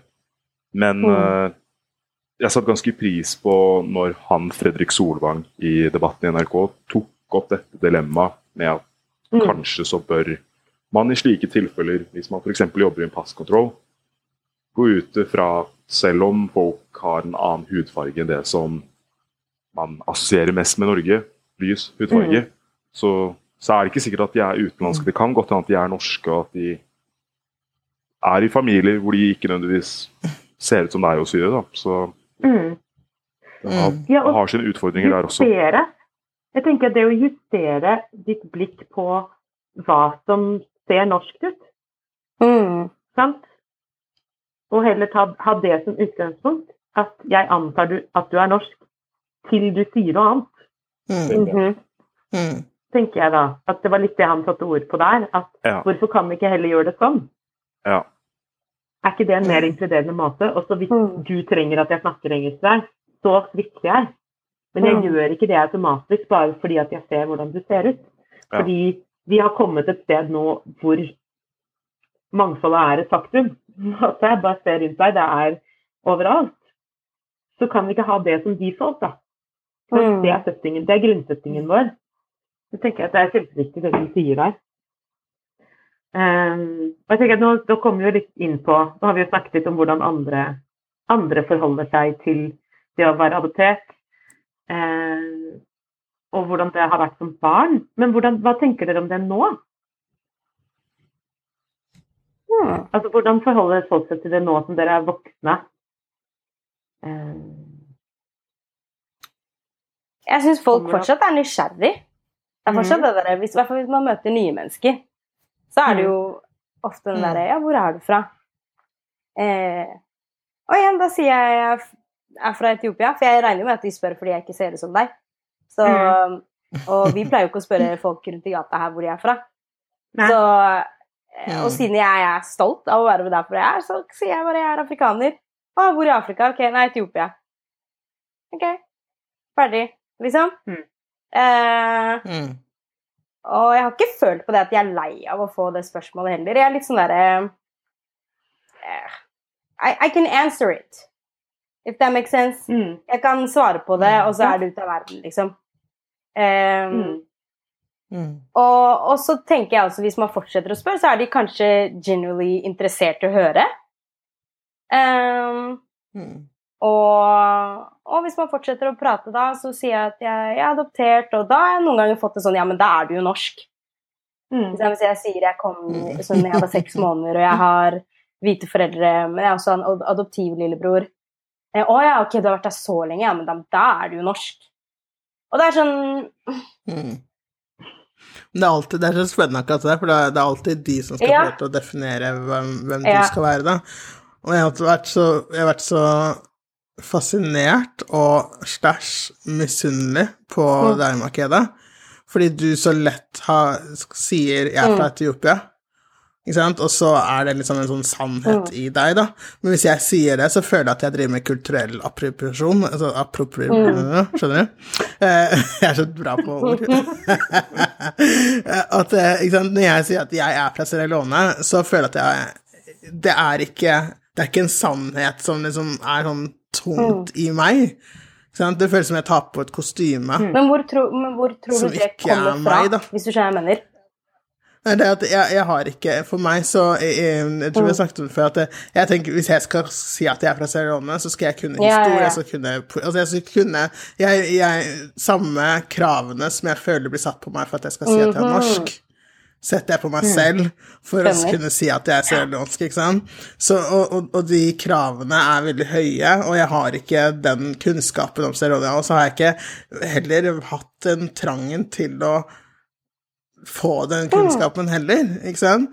Eh, Så, så da har jeg ikke gjort noe med det, men da har det også gjort at eh, jeg kan, det er lettere for meg å si jeg er født i Leone. Ja, det er en sannhet, men at jeg er fra det, det er noe helt annet for meg å si, da. Så, jeg, så når vi har snakket om det, og du er sånn Ja, men jeg er jo født i Etiopia, da. Etiopia, ikke sant? Så du er bare For det i mitt hode så virker det så enkelt. Og så er det sånn Wow, tenk om jeg kunne gjort det så enkelt. Men jeg har bare satt så sykt høye krav for at, hvordan jeg, at jeg kan få lov til å kalle meg, fordi da, eh, hvis jeg sier at jeg er fra Sierra Leone, og at jeg er en sierraleonsk kvinne, så hva Altså, jeg, jeg matcher jo ikke de som faktisk er det. Nei, jeg- du mener. Ja, for at jeg bare lurer meg inn, da. At jeg bare er sånn Mm. Ja. Jeg er egentlig ikke helt innafor, på en måte. Så jeg tror det er det at jeg har satt disse De høye kravene til deg selv, da. rare kravene. Og, og Mm, mm. jeg føler jeg ikke har vært i den boblen. Eh, Det der med at eh, jeg ba, ba, At jeg klarer å separere Så enkelt som å bare si at jeg Fordi jeg vet du spør, fordi jeg er en annen hudfarge, Mm, ja, så er jeg fra Afrika. Og så tenker jeg ikke så mye mer over det. mm, Eh, jeg har et ønske om å kunne mer om der jeg er fra, osv., osv. Det er bare sånn Livet går. Jeg har kanskje ikke lest så mye om det, eller bla, bla, bla. Liksom. But that's fine. Det jeg mener? That's fine. I'm still African. Uansett om jeg tvister på det og bor i Norge og i et hvitt land, så er jeg afrikaner. Og jeg er en annen farge. Så det holder med at jeg sier det. Mm. If that makes sense. mm. Ja, ja. Det, Men, det er, ikke sant? Men igjen, det er det at det gir deg For meg hadde jeg jo fått helt sånn utslett, Ja. skjønner du. For jeg hadde følt at jeg hadde gitt, Mm. eller at det ikke var altså, ikke sant? Men det gir deg en sånn Ja, det kan jeg si, og så har du en ro i det, som jeg syns er fascinerende og er Mm. litt sånn Nei, men det syns jeg du skal jobbe med, babe. Mm. Fordi det trenger, fordi. Folk spør fordi du lurer fordi du ikke ligner på dem. Ikke sant? Og så Ja, men jeg, jeg, det går greit, helt greit for meg å si jeg er født i Sierra Leone, og så har de, så har de fått uh, tilfredsstilt sant, deres greie. Ja. Ja, ikke sant? Så, så det er null stress. Men jeg Men at du tenker på det i eh, etterkant. eh, Det for meg nå å si at jeg er norsk afrikaner eh, Det er først det siste jeg har liksom aldri sagt det. ta- brukt det begrepet om Ja. meg selv, da. Ikke sant? At jeg liksom, eller jeg kan liksom si at, Men samtidig så føler jeg meg ikke afrikansk nok. Mm. og liksom, Alle de greiene der som man kan gå ut og kjenne på. Eh, så det er en sånn Ja, det er, og så er det så mye Det er så mye gråsoner Ja, for hva er og- afrikansk norsk? Nei, nok, Liksom- mener jeg. Hva er afrikansk nok? ja. For meg, det er sånn Ja, men, men igjen da, så har jeg blitt møtt av afrikanere hele tida. så ja, du Ja, er jo ja. mm -hmm, ikke sant? Og så Man har den siden også, Så det er liksom. sånn, ja, ja, ok, da tilhører jeg ikke dere heller, da. Ikke sant? Så hvor Man blir slengt litt sånn fram og Mm. tilbake. Eh, og da tenker jeg liksom at det handler om, i hvert fall for min del, da, eh, å jobbe med meg selv. Hvordan jeg selv ser på meg selv. uh, og hvordan Mm. jeg velger å møte verden med den jeg er. Hvordan jeg tenker Ja, om meg selv, da. Den Jeg tror Jeg vet ikke, det, jeg hater Ikke sånn selfishness, men sånn Eller være kake, men jeg føler meg trygg i meg selv. Så da tror jeg det ikke Ja, de Mm, det er andre tingene doesn't rub me the wrong way. Liksom det at jeg ikke føler meg norsk nok, Mm. eller jeg føler meg ikke afrikansk nok, eller liksom Jeg er bare meg. Og, og, mm, og, og hvis jeg møter afrikanere, og de er alltid sånn habisha, habisha, ikke sant, og begynner å snakke etiopisk til meg, så sier jeg bare Mm. mm, Men sorry, jeg, jeg kan ikke. Liksom. Mm. Og så bare Du kan ikke? Hvorfor det? Ikke sant? Da er jeg adoptert. Å ja, ok. Og de fleste Mm. faktisk leave me alone. De, da sier de ikke så Ja. mye mer, Mm. liksom. Mm. Eh, mm, det har vært heldig, for jeg har, jeg har hatt de der folka som er sånn Ja, hvorfor lærer du ikke det, og hvorfor gjør du ikke sånn, og du må vite hvor du kommer fra, og Yep. hele den derre Og så sitter jeg med masse skyldfølelse og, og ubehag, ikke sant, og det har også vært folk som har vært veldig nærme Mm, i mitt ja. liv, da, ikke sant, som på en måte men hvorfor har du ikke liksom put the effort da, til å gjøre det det ekstra? Hvorfor sånn og sånn og sånn? Eh, og, eh, så jeg tror det er det jeg liksom har gått rundt og følt på at ja, men jeg, ja, jeg du, Uansett hva jeg gjør, så blir det Mm, mm. feil, på en måte. Ikke sant? Eh, så, så den har Ja. At jeg har blitt møtt mye med den, eh, istedenfor bare å la meg være Å ja, ok, hvis jeg, folk bare sagt ja, whatever, liksom, så hadde jeg hatt mye greier. Men jeg tror også jeg hadde Jeg føler også at jeg kanskje mm. kunne fått den delen du snakker om nå, i livet mitt, hvis jeg hadde mm. f.eks. en onkel som var etiopisk, eller en tante, eller mm. en eller annen i slektningen min, da, if that makes sense. Jeg har mm. bare mm. norske. Så de har jo ikke forventet noe av meg sånn når det kommer til den mm. afrikanske greia. ikke sant? De har bare latt meg være. Og de syns det er kult om jeg, om jeg, vil lære meg amarisk. Eh, om jeg vil lære mer om landet mitt. Eh, men de har ikke Da er det mer sånn der OK, kult at du vil det. You go and find people. Ikke sant? Vi kan ikke gjøre noe med det, vi. Liksom. Eh, men på en måte litt sånn Men ja, det du opplever, tror jeg hadde vært en greie hvis jeg hadde hatt noen i slekten min, på en måte. Så, så mm. Men ja, nå har jeg ikke det, men jeg kan jo Ja. Så det har liksom gått greit på den måten at jeg bare sier jeg kan ikke det språket der. I, I, I don't know. Mm. Jeg kan engelsk, jeg kan norsk. Ja. Like. Og ja, så sier jeg noen ganger også ja, jeg har veldig lyst til å lære språket mitt. Ferdig. Mm. Men det dere, det dere, snakker om nå, er jo veldig interessant, fordi det får meg til å tenke på at jeg har nok litt mer lignende erfaringer som det Maria utdyper. At man mm. noen gang føler at man mm.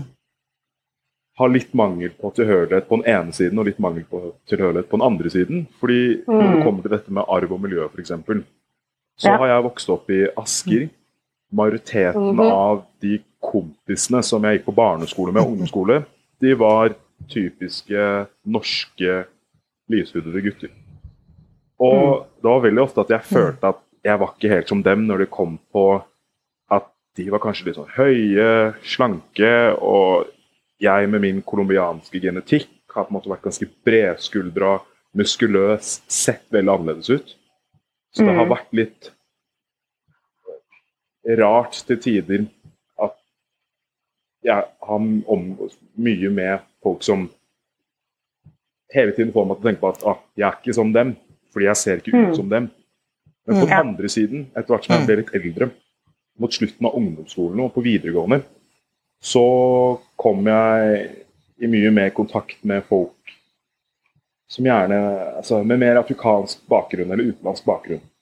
De er mm. kanskje selv født i Norge, men foreldrene deres er fra Somalia eller Etiopia eller andre land som ikke er i Norge. Ja. Og Da har jeg på en måte tenkt at å, de her er litt mer like. For de ser litt mer like ut som meg, og ikke er de lyse i huden. Ikke mm. ser de ut som uh, Ola og Kari Nordmann. Men tilbake til dette med arv, da.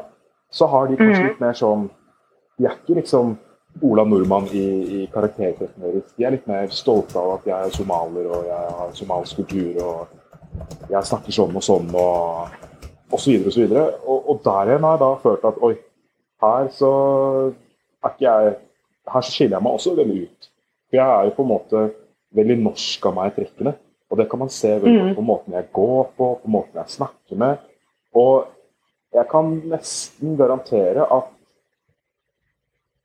ofte av de telefonsamtaler jeg har med andre folk som ikke kjenner mm. til hvem jeg er og mitt utseende, kan nok gå ut ifra at jeg er mm. lys i hudet, f.eks. Mm. Så møter de meg og sier å ja, mm. du ser sånn ut. For det har skjedd ofte at det har vært jobbintervjuer, eller at jeg skal eh, kjøpe noe over nettet, har en telefonsamtale med dem, drar for å hente tingene jeg har kjøpt, og så kan jeg liksom se at de nesten blir litt overrasket når de ser at å ja, han da ser ikke ut som vi hadde på en måte sett for oss. Så, ja. så, så, det har på en måte Jeg registrerer jo at du, Mageda, har jo kanskje hatt en litt mer sånn Ja, vet du hva, det der, det der klarer jeg å deale med, og sånn får det bare være. Men, men, jeg selv har nok ofte følt litt på at hvor er det på en måte, Hvem er det jeg er mest lik? Hvem kan jeg identifisere meg med? da? Er det noen som er mer lik meg i man ikke har en typisk norsk genetikk, eller er det de som jeg kan identifisere meg eh, i forhold til er litt mer sånn norsk av uh, karaktertrekk. Da. Så, ja. ja. Og jeg tenker at Akkurat det der med Finn, det er morsomt, for jeg eh, Noen ganger så er det sånn eh, Hvis jeg skal bruke en emoji, da, ja. sånn hånd-emoji, så har jo jeg lagret på telefonen min, så har jeg alltid sånn min Mm. hudtone, ikke sant. Så det er sånn, skal jeg bruke den, eller skal jeg bruke den gule, som ikke er noen menneskefarge i det hele tatt? Eh, hva, hvordan vil, vil de reagere når det kommer en brun tommel versus en gul altså sånn, Det er sånne ting jeg kan sitte og tenke på når jeg skal liksom bestille noe, da. Og det er helt sånn eh, bortkastet tid, men det er en sånn For det, er- ikke sant, hvis jeg, når jeg skal hente deg, hvis jeg har vist den brune tommelen, da, så slipper jeg den der Å ja, er du sånn? Ikke sant? For da har jeg allerede liksom eh, sagt litt sånn hvem jeg er, og så kan man på en måte Slipper vi hele Det det eh, når vi møtes, på en måte. Mm. Men det er veldig interessant det du sier der, Kumle, om, om nature versus nurture. Og det er en sånn Jeg føler i hvert fall at det er en evighetsdebatt. Jeg vet at det forskes en del på det. Eh, og så vidt jeg har forstått, nå skal ikke jeg si for mye, for jeg har ingen tall og ingen eh, forskning, men i det siste så har jeg hørt hvert at det er mer av forskningen som viser at genetikken er veldig sterk. At, den, eh, at man, man har i hvert fall ikke sånn forskningsmessig da, så mye beviser for at eh, miljø har mer å si enn genetikk. At genetikken Og derfor syns jeg også det er interessant at eh, flere av oss da, her føler at det norske har preget oss veldig i hvem vi er. Jeg føler også det at eh, eh, Jeg tror aldri jeg har følt meg så norsk som eh, Jeg var et år i Dominikansk republikk som utvekslingsvenn, Og alle der var jo bare sånn Ja, men du er jo en av oss, liksom. Eh, og jeg bare eh, Nei, jeg er norsk. Jeg er ganske sikker på at jeg er norsk. Jeg husker at flere jeg hadde liksom sånn, sånn Det var en fyr som ble sint på meg når jeg sa at jeg var norsk. For jeg var sammen med en kompis som da var norsk, og så ja, hva skal jeg si, urnorsk. altså sånn Veldig lys i håret, helt hvit. ikke sant? Og han, og han trodde ikke på meg når jeg sa at jeg var norsk. Jeg snakket norsk til han, og han bare nei, nei, nei, nei, nei, nei, nei. du har bare lært deg noen fraser. og Han var så overbevist om jeg var dominikaner. da. Han bare men du ser jo ut som du er dominikansk. Du kan jo ikke være norsk. De ser jo ikke sånn ut, liksom. Jeg bare sånn Vi ser Mm. også sånn ut, men OK, liksom. Jeg skjønner, skjønner hva du mener. Eh, men jeg kjente virkelig på at jeg var veldig norsk når jeg var der. At, at Mm. de norske sidene ved meg, da, altså det som på en måte har preget meg av miljøet og sånn, kom veldig godt fram. Mm. Enig. Det gjør det når man er på tur. reiser. Yep. Ja, når man reiser, så, så blir man veldig klar over at bare Å, herregud, det er jo som om jeg har på meg lusekofta bare fem ganger opp utapå her, liksom.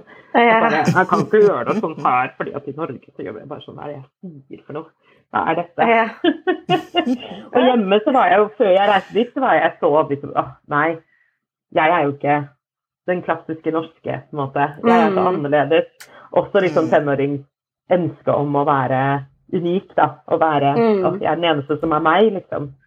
Det Um, Men det er det jeg tenker at eh, Norge som eh, samfunn og nasjon At vi i den derre eh, multikulturelle fasilit... Altså den, den verden vi er i nå, da, har liksom feilet. For det liksom, jeg, er opp, jeg er oppvokst i, på Hauketo. Eh, og hvor da liksom det, mest, si, mest krenkende du kunne bli eh, kalt som en eh, farget person, var 'Å, du er så norsk'. Da, har, da hadde du virkelig liksom Det var nesten det verste du kunne bli kalt, da. Og, og, og det sånn eh, Og da tenker jeg det som du, du snakker om, var Og jeg fikk jo høre det hele tiden. Mm. du er så norsk, du er så Og så skjønte jeg at det var ikke noe positivt på en måte. Ikke sant? Det var ikke noe hederstittel, det. Og så syns jeg det var så rart. For sånn, men vi er jo her, hvorfor er ikke det Hva annet skal jeg være, da? Ikke sant? Hvorfor kan ikke jeg bare få lov til å være det norske? Eh, og så er det der som snakket litt eh, om eh, i går, si det, at man må liksom føle at man måtte velge. At, eh, at eh, det norske samfunnet ikke har gitt oss rom til å være alt det vi er, da. Eh, Så, så ved at du blir norsk, så sier du nei til en annen side av deg, eh, og det blir feil i forhold til den Altså, Ja, ja. hele, hele den der prosessen her har liksom, føler jeg liksom feilet i det. For hvis vi bare hadde fått lov til å være nordmenn alle sammen med de bakgrunnene vi har, så tror jeg vi hadde liksom spart oss for mye drama. Mm. Ja. liksom. hva tenker dere om det Marie sier nå? Det å bare få lov til å være. Mm. Jeg tenker liksom det er også sånn, i hvert fall for min del, jeg har vært en sånn eh, reise der hvor jeg Sånn som for eksempel på Jeg tror det var på ungdomsskolen, eller kanskje tidligere på barneskolen. ikke sant? Da begynte man det at det, Da skal jeg ærlig innrømme at da ble man jo påvirket f.eks. det med hår, da. Ikke sant? Mm. Alle hadde straight hair. Mm. Jeg ville også ha det, så jeg gikk og rettet håret mitt, som ødela håret mitt. Fordi ikke sant? Mm. det hadde jo ikke mamma og pappa noe kunnskap om. De, de bare hørte på meg, basically. ikke sant? At jeg vil ha rett hår, jeg gråter, og jeg er hei. Eh, fikk rett hår. Mm. Eh, prøvde å liksom passe inn på den måten. Fortsatt følte meg veldig trygg i meg, men ikke det med hår. Det er jo en annet tema, stort tema. Ja. Eh, eh, Men også når Og så- flyttet vi fra Asker til Stavanger eh, Mm. etter den perioden med det krisehåret og tjo og hei. Eh, så Og Mm. der var det jo mye mer flerkulturelt. Så poenget mitt er liksom det at jeg føler at reisen min har vært sånn Jeg, har på en måte eh, blitt mer og mer meg selv fordi eh, ja, miljøet rundt meg ble mer og mer lik meg. Eh, Asker er veldig hvitt, om jeg kan si det sånn. Mm. Vi var to mørke i klassen. Ikke sant? Så jeg hadde ikke så mange der jeg lignet på ditt og datten. Så da fant jeg Det var da jeg mente at da var det ok. Ja, ja, jeg er afrikaner, jeg er mørk. Done. Ja. Og så bare fortsatte ballen å rulle, og man er barn og og hei, og så begynte det med håret. At liksom Ja, det var ikke noe gøy å ikke ha rett hår som alle andre. Og så flytter man til Stavanger, som sagt, og da var det ungdomsskolen. Og da var det mye mer flerkulturelt. Da var det liksom afrikanere, pakistanere, indere, you name it. Og da, var det, da begynte jeg å bli mer og mer sånn Oi, nå ligner jeg på fler. Vi er flere. Og hun Mm. har fletter. Hun har Mm. afroen sin. Hun har, ikke sant? Da ble jeg mer og mer komfortabel med det, at liksom, jeg kan være meg selv. Um, og, Mm. så, og så da ble jeg tiltrukket til det miljøet. På en måte, Jeg ble med, jeg fikk en kenyansk bestevenninne. Da ble jeg presentert i afrikansk mat. Eh, Ja. Og det var Mm. eh, eh, Jeg har på en måte På reisen min har jeg funnet meg selv mer og mer fordi miljøene har på en måte kommet til meg, og det har tiltrukket meg. Og så har jeg liksom Mm. fulgt den veien litt hele tiden. Em, Mm. så, og så etter ungdomsskolen For ungdomsskolen var amazing. Og det er på grunn av det var flerkulturelt, og du fikk lov til å være deg selv, og det var alle mulige mennesker sammen. Og så Mm. flyttet jeg tilbake til Asker på videregående, og da var det ikke noe gøy. For da følte jeg, følte jeg at jeg hadde funnet meg selv, på en måte. Mitt miljø, musikksmaken, det var flere som likte Mm. dancehall, afrobeat, og liksom afrikanske rytmer Mm. hele den pakka der, og R&B og solo, ja. Kom jeg til, til videregående, og da var det russetid. Og Louis Vuitton-bag og Uggs. Mm. Og jeg bare Hæ? Jeg bare passer. gjerne å sette ansiktet til Markeda Det nå. var Asker Ja, da Starter fikk jeg Pack. akkurat sånn. Det var Asker Maria, du, du former deg til miljøet, ikke sant? Og du vil jo passe inn. It's true, Så jeg ville jo ha alle disse tingene plutselig, ikke sant? Mm. Så, så, så jeg føler videregående ble sånn litt sånn tilbakefall for meg. På en måte litt sånn der, Da begynte man å ikke miste seg selv, men litt sånn derre eh, Jeg hadde, hadde så trygg base, følte jeg, i Stavanger, fordi alle var så forskjellige, og det kulturelle og alt det der. Men så kom jeg til Asker igjen, der hvor det var liksom et annet Mm. fokus. da, Det var liksom pappaer med penger og båter og og, og de materialistiske tingene Mm. som bare er helt latterlige, spør du meg. Men på den tiden, da Mm. ville jo jeg også ha det. Og da følte jeg datt litt ut igjen, på en måte. Ja. Eh, og, og så begynte jeg å synge, og, da, og det har hjulpet meg masse. For da ble jo liksom Mm. Oslo-miljøet plutselig relevant for meg. Og da fant Mm. jeg på en måte dere igjen, if that makes sense. ikke sant? Mer Ja. flerkulturelt. Jeg kom liksom tilbake til det. Så jeg føler liksom reisen min hele tiden har Jeg har visst på en måte hvor jeg vil gå hen, og hva, hvor jeg fører tilhørighet til, da. Det er Mm. folk som ligner på meg, liker Mm. samme musikk, eh, mat, eh, snakke om Ja, bare noe som, som er likt noe som jeg liker. Mm. Eh, så, Mm. så jeg føler liksom Ja, det har vært en reise, da. Det har jo ikke Ja. bare vært sånn ho og hei og sjo og hei, men Mm. at man på en måte alltid har kommet dit for man belong, in a way. Mm. Uansett, fordi man har Mm. blitt kjent med seg selv og vært trygg i seg selv, og så kommer man på en måte dit man hører hjemme, på en måte, da. Ja. Du, Kumle, Mm. har du uh, vestkant starter pack? Definitivt. Den er Ja. grov. Nei, jeg, jeg opplever jo at i nærmiljøet Du må snakke i mikrofonen, Mikke. Jeg opplever jo at i det nærmiljøet jeg har vokst opp i, Der, i. Asker, så har det for all del vært veldig flerkulturelt. Men personlig så mener jeg at det har ikke vært så veldig mye på tvers av de ulike kulturene. Og det er jo også ganske viktig Nei. å tenke på. Ja. Og i ungdomsskoletiden så opplevde jeg da ofte litt som jeg var inne på tidligere, at hvis jeg gikk inn i et rom, så til høyre for meg så kunne jeg enten gå bort til de norske hvite gutta. Men hvis jeg gikk dit, så ville jeg kanskje få litt kommentarer på at ah, 'Alex, du er så svær, du er så sterk, og det håret ditt og alt det her', ikke sant? Eller skulle kunne jeg gå til gutta fra Somalia, for eksempel, da. Men hvis jeg gikk dit, så ville jeg kanskje få litt sånn spørsmål sånn Ja, Alex, du snakker ikke kebab-norsk, og du er så norsk av deg, du er så hvit av deg, osv. Så, Ja. så det var jo ofte at jeg sto litt midt imellom og visste liksom ikke helt sånn åh, hva skal jeg på en måte gidde å deale med nå, da. Mm. Eh, men etter videregående så flyttet jeg til England for å studere. Og da følte jeg på en måte at et helt nytt kapittel av livet mitt begynte. Fordi ikke bare kom jeg til et flerkulturelt miljø, men da kom jeg til et miljø hvor det var krysninger mellom ulike Ja. kulturer. Ulik Mm. etnisk bakgrunn, ulik religiøs bakgrunn. Og det var kanskje det jeg gikk rundt og savna på da, på videregående Ja. og på ungdomsskolen Mm. hjemme i Asker. Mm. Så Mm. Mm. for min del så er det på en måte det som har vært viktig. At det er ikke det at det er ulike kulturer, men Mm. hvis det blir det at man må velge mellom ok, jeg som Mm. er colombiansk i utseende, men mer norsk av kulturell oppdragelse, typ, hvis jeg kan Mm. bruke de ordene, Mm. så har det hele tiden vært veldig vanskelig for meg. Og hvilken, hvem skal jeg gå til, hvem skal jeg henge med?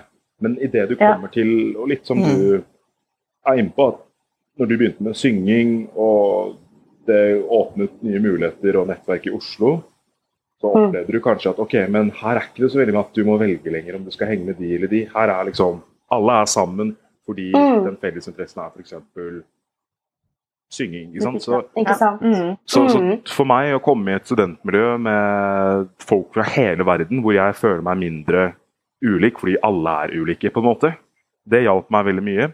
Mm. Og det var det som gjorde at jeg, etter jeg var ferdig å studere i England, valgte å flytte til Stavanger. Litt som du Ja. er inne på. at Flyttet til Stavanger? Jeg bor i Stavanger nå. I skrivende stund Mm. så sitter jeg i eh, Stavanger. Seriøst? Og her så har jeg en master som er internasjonal. Så mine Mm. klassekamerater er fra overalt i verden. Og jeg trives så godt med det. Og jeg Mm. at jeg ikke vil se meg tilbake til ungdomstiden. Jeg hadde for all del jeg hadde en super ungdomstid. Men jeg merker jo nå at nå kan jeg gå ut døra og vite at ok, i dag så skal jeg henge med han fra Nepal og hun fra Sri Lanka og de fra Bangladesh og han fra Norge. og Det er liksom ikke noe sånn jeg må velge Mm. lenger. Nå er vi Mm. på kryss og tvers. Og selvfølgelig, det kan ha noe med at jeg har blitt eldre og folk rundt meg er ikke 15-16-17 år gammel. Men uh, Det jeg håper jo for de, de som lytter til dette her, da, at eh, det, det, det er liksom et viktig tema, dette her med at hvis man er såpass heldig at man Mm. eh, er i et flerkulturelt miljø, så må man også huske på at ok, men bland dere litt, da. Ikke ha to Mm. ulike gjenger, på en måte. Mm. For da er det ofte Mm. noen som står i midten Mm. og syns det er Mm. vanskelig å Mm. bestemme seg for om man identifiserer seg med de eller de. Fordi man skal egentlig ikke måtte gå rundt og tro at det er et valg man skal ta. Man skal ikke føle at. Du kan være med alle sammen, på en måte. da. Mm. Og det finnes likheter. Vi Ja, er ikke så ulike egentlig. Ikke sant? Mm. Ikke sant? Når man bare møter folk og snakker, plutselig bare Oi, liker du det? Å, Ja. er du også sånn? Har du den historien? Så er det Ja. plutselig mer likheter enn Mm. ulikheter. Ja, ja. Og jeg tenker det å få lov til å være hele seg. Mm. Jeg føler at det er Ja. jo det dere egentlig beskriver begge to. At Mm. det å, og, og noe av det er jo en naturlig del av det å vokse opp og komme inn i seg selv også, og finne ut av hvem er jeg egentlig? Hvem er jeg Mm. oppi alt, alt dette her? Mm. Men det er klart også at det krever jo også at man får plass til det. Og at man har rom til Ja. å, å, å bevege seg i flere kulturer og, og, og få lov til å anerkjenne at jeg er alle disse tingene. Jeg trenger ikke Ja. velge det ene eller det andre. Jeg er alle disse tingene. Ja. Og det bestemmer jeg selv, hvordan jeg vil at det skal se ut. Ja. Jeg tenker da. Men det er nok ekstra spesielt for nettopp oss adopterte. Ikke sant? At vi, Mm. For noen er vi ulike på bakgrunn av hvordan vi ser ut, og for andre så er vi ulike på bakgrunn av at vi har vokst opp med en, en mer norsk kultur. og så, ja. Og bare adopsjon i seg selv. Ja. Ikke sant? Sånn, det, det er ikke eh, Jeg tenker ofte på historien min noen ganger. Nå har jo ikke jeg nevnt det her, men sånn eh, Jeg ble født på gata, ikke sant? Mm. Who would have thought? Like, ikke sant? På den måten at det, starten av livet vårt er liksom veldig sånn Det er veldig spesielt. Ja. Mm. Det er veldig sånn Mm. Og jeg vet ikke hvem min biologiske mamma er. Jeg vet ganske lite. Jeg har sett noen Mm. bilder og så videre og sånn, men eh, Men det Jeg vet ikke om jeg skal forklare det uten å høres litt sånn teit ut, kanskje, men sånn vi ble, Det er ikke Adopsjon. Nei, adopsjon er skikkelig spesielt. Mm. Jeg syns det er eh, Mm. Her er det jo vanlig når du er på sykehus og du føder et barn. Jeg, sier, jeg downgrader ikke det i det hele tatt. Eh, men det å liksom Ja, bli født på gata, ha en mamma som ikke klarte å ta vare på deg. Eh, eh, lillebroren min ble født på sykehus, men moren rømte. Ikke sant? Det er sånn Mm. Jeg vet ikke, det er bare veldig spesielt. Mm. Jeg vet ikke hva slags annet ord, og det vil ikke si at vi er mer spesielle enn alle andre, nei. Men I don't know how to explain that. I don't know. Utgangspunktet vårt er annerledes, da, ikke sant? Så at vi jeg Det er liksom ikke en at, selvfølge, eh, på en måte, at jeg er Nei. her i dag. Og sånn, jeg husker sånn, På barneskolen hvor folk snakket Alle kunne si sånn 'Jeg er født da og da på Mm, mm. Ikke sant? Jeg var så sjalu, jeg, for at de visste Mm, det, ja. liksom. Og, og jeg kunne eh, Jeg har jo skjønt nå ettertid at jeg har jo et eh, forhold til Mm. min biologiske mor, eh, og eh, har vel egentlig ikke spurt henne om det. Men så vet jeg liksom ikke Så jeg tenker på det altså så, sånn i afrikansk, mye afrikansk kultur, så, så hvor gammel du er og når du er født, er liksom ikke så viktig. Ikke sant? Ingen vet hvor gamle de egentlig er. Fordi det er bare sånn det, er bare, it was just another day, ikke sant? Mens i Norge så er det sånn herre Du har bursdag, du er født sånn og sånn, akkurat på det liksom, tidspunktet Altså, det er så stort i vår kultur her i Norge, da. Mens i den kulturen jeg er født i, så er ikke det en big deal, liksom. Eh, men da jeg fikk eh, en datter selv, så er det sånn jeg Altså, det tidspunktet er liksom Det er så prenta i hodet mitt. Hun skal vite på sekundet hun ble født, ikke sant. Hun skal få vite alle de tingene som var en selvfølge for bilder, alle mine venner på skolen. Og bilder. Hun skal få liksom Altså, hun er så veldokumentert som det går an å bli, da, ikke sant. Og det er jo sånn jeg overkompenserer så sjukt, da, for den For de tingene jeg eh, savnet da jeg var liten. Ikke sant? Det er jo ikke noe å si. Altså, jeg har, hatt, har verdens beste foreldre og familie og alt det, ikke sant? men det er noen av de tingene eh, som jeg eh, kjente på at jeg var sånn misunnelig på de andre. At de hadde liksom disse babybildene, de hadde alle disse fortellingene om hvordan de, når de begynte å gå og snakke og alle de tingene der, ikke sant? Eh, så, så det er en sånn ting som jeg bare ikke sant? Jeg var sånn, Ja, Noel begynte å gå da hun var 15 måneder, og så skal jeg liksom huske alle disse tingene her, så hun skal få de svarene. Kan godt hende at hun driter langt i når hun begynte å gå, men da har jeg i hvert fall et svar, da. Og hun kan spørre om det og se Eh, det når hun så, større. så det er en sånn Ja, hun Ikke sant? Og hun kan se Ja, så, så det er en, en sånn ting som jeg har kjent veldig på, det å være adoptert. Eh, og det som du sier, det med starten av livet, da. Ikke sant? Hvordan startet det? Og du ser det så tydelig selv altså når du får egne barn. Jeg, jeg, tenker, Eh, at det, dette er veldig forskjellig Mm. standpunkt. jeg tenker jo det vi snakker om nå, så beveger vi oss litt mer inn i Altså jeg opplever jo i det siste at det har blitt mer fokus på um, de, de problematiske sidene ved det å utenlandsadoptere, og at man hører jo en del historier om, om enormt utenforskap og, og at folk syns det er veldig vanskelig å finne ut av hvem de er og, og en tilhørighet. Og som du sier, det er sterke historier om hva som har skjedd med de menneskene som har født oss. da. Um, og vi, vi fire har jo alle forskjellige opplevelser om det, men jeg bare tenkte litt at det er interessant å høre hva dere tenker om andres historier, og, og det å vite at det er andre rundt der som har vonde ting, som sliter med dette å føle seg adoptert og føle seg utenfor. og det, altså Jeg merker at jeg har blitt påvirket av de debattene. Og jeg blir interessert, jeg vil gjerne høre, jeg vil høre deres historier, uten at det forandrer min historie. Men, men øh, føler dere at det har påvirket dere på noen måte?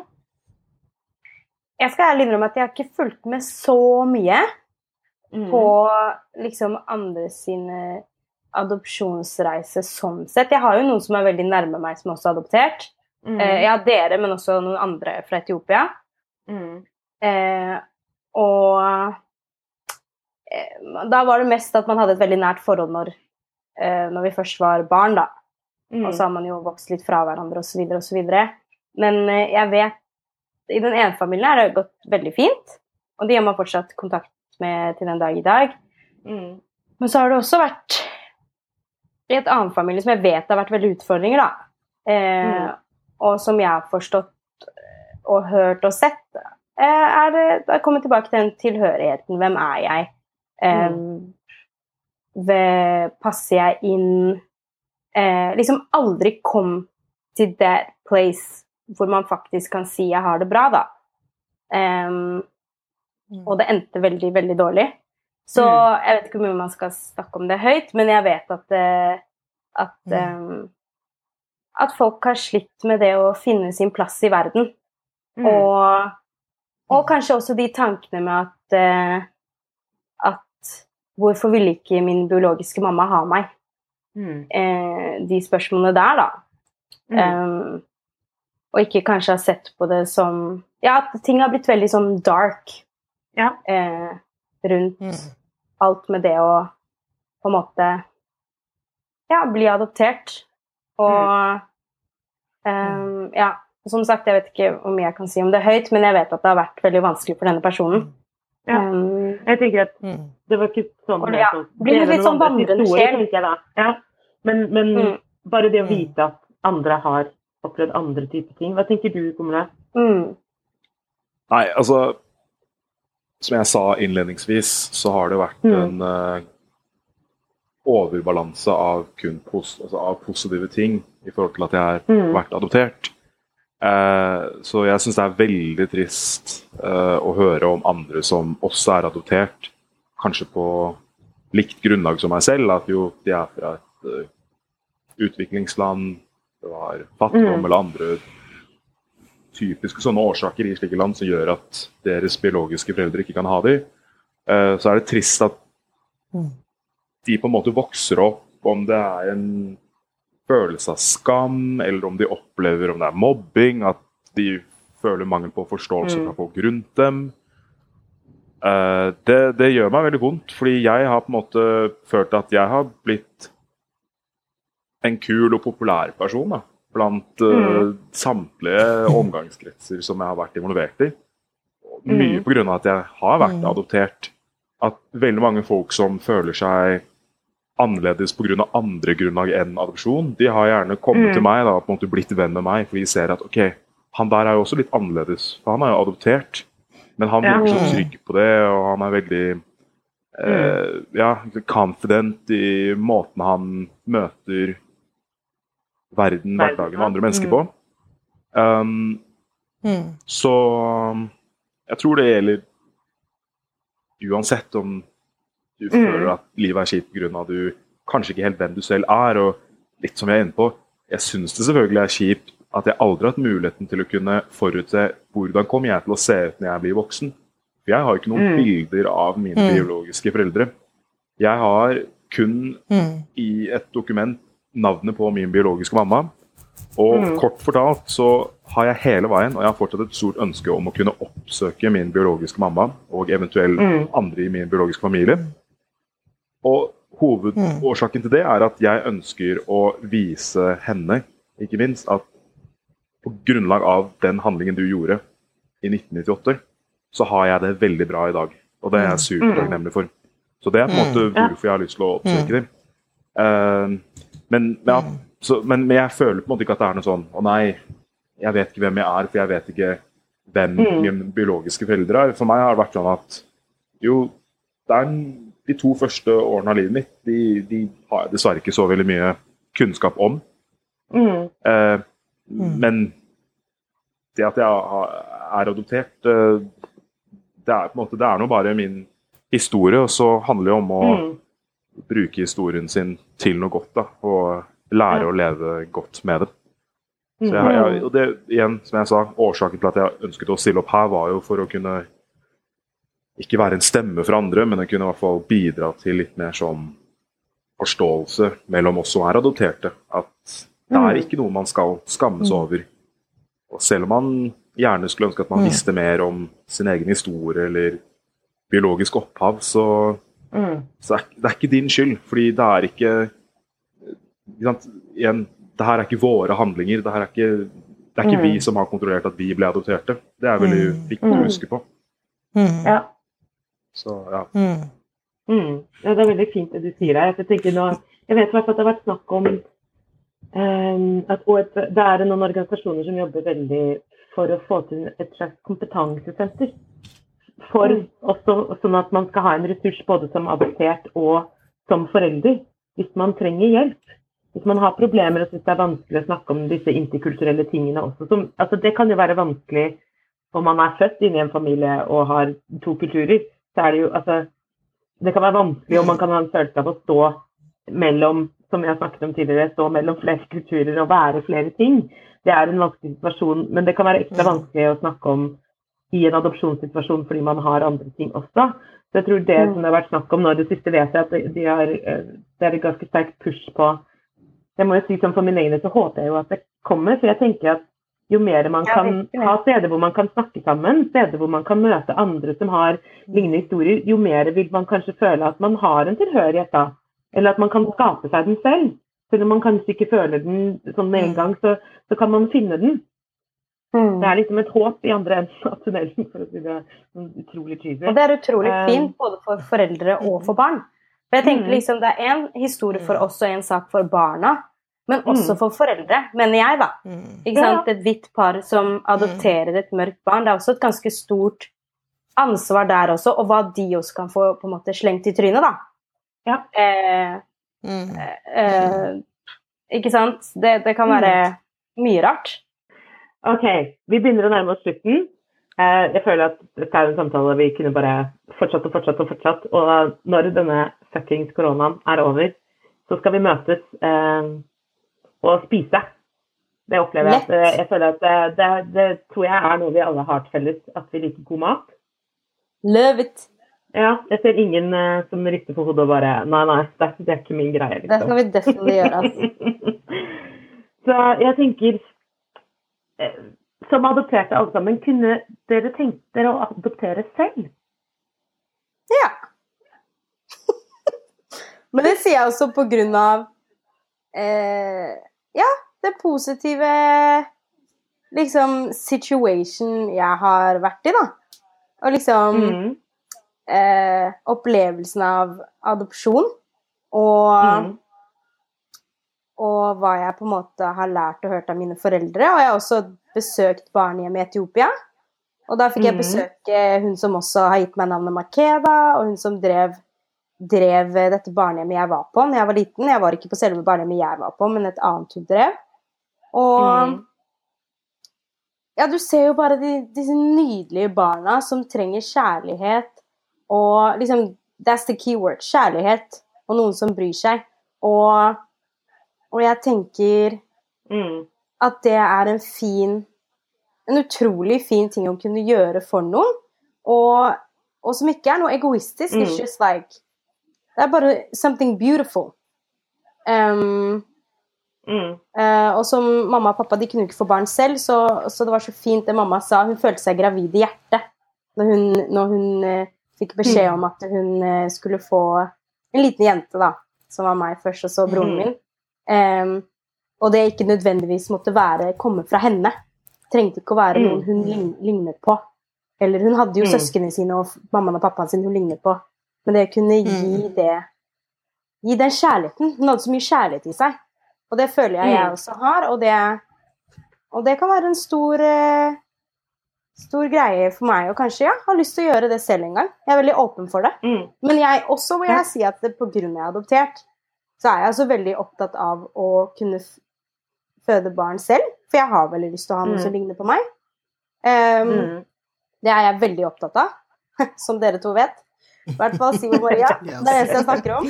Så det, det er jo viktig for meg å kunne ha noen som ja, er som meg. På en måte, Vi kan ha lik nese, like lepper, hår, former like, Ja, det er very important to me å få mine egne barn, men veldig åpen for adopsjon også. Hmm. Mm. Kommer det? Jeg skal prøve å holde det veldig konkret.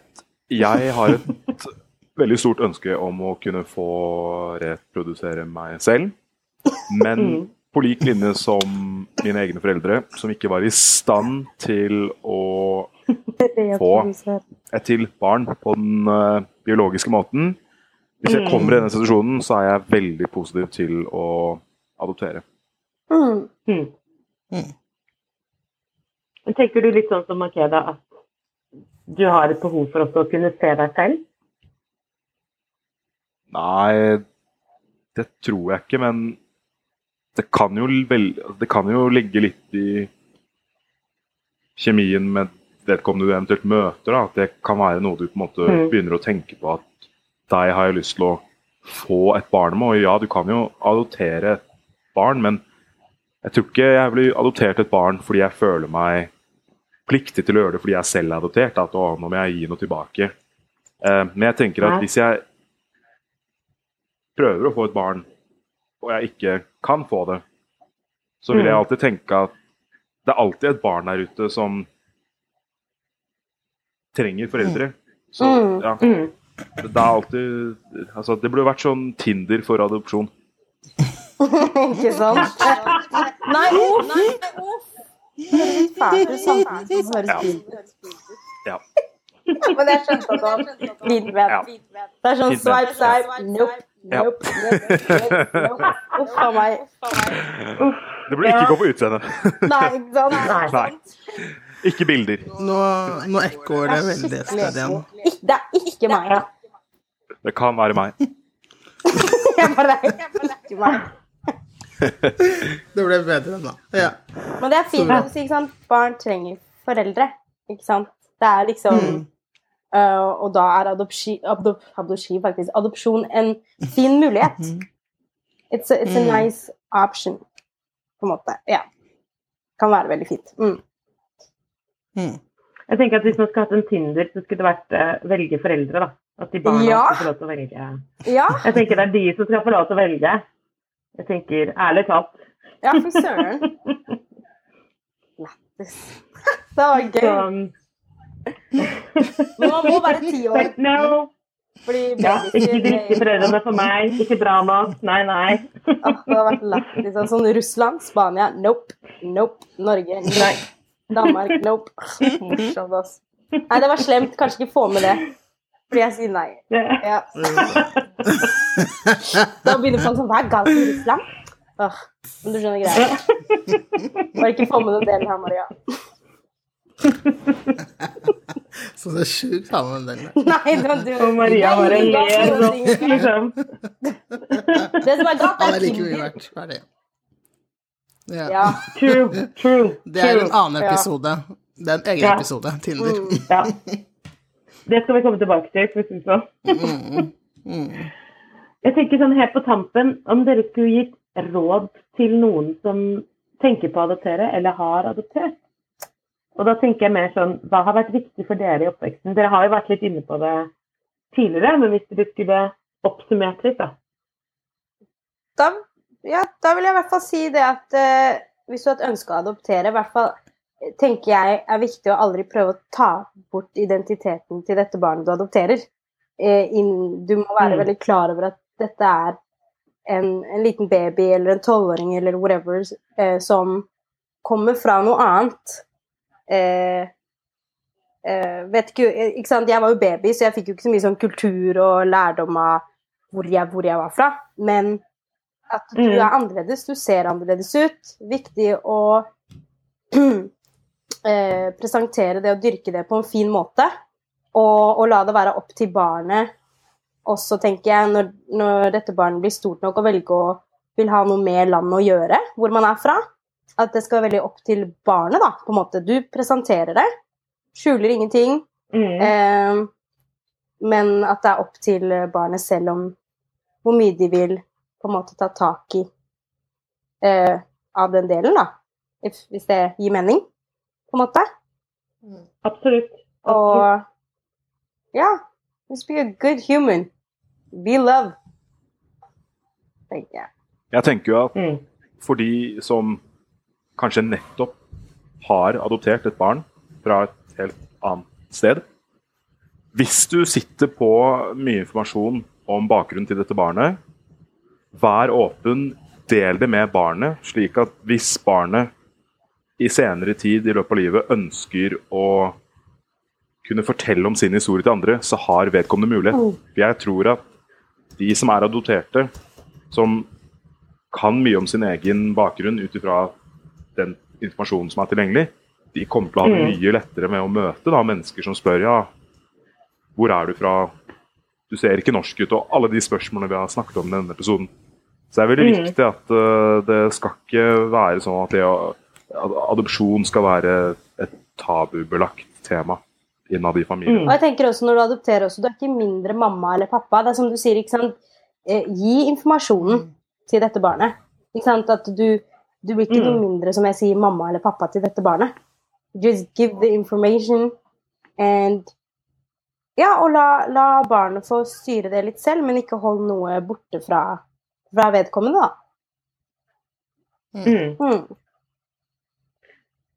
Jeg opplever at det dere sier altså Det resonnerer veldig med meg, det dere sier, at eh, noe som jeg også har følt har vært viktig for meg, det er å eie min Mm. egen historie.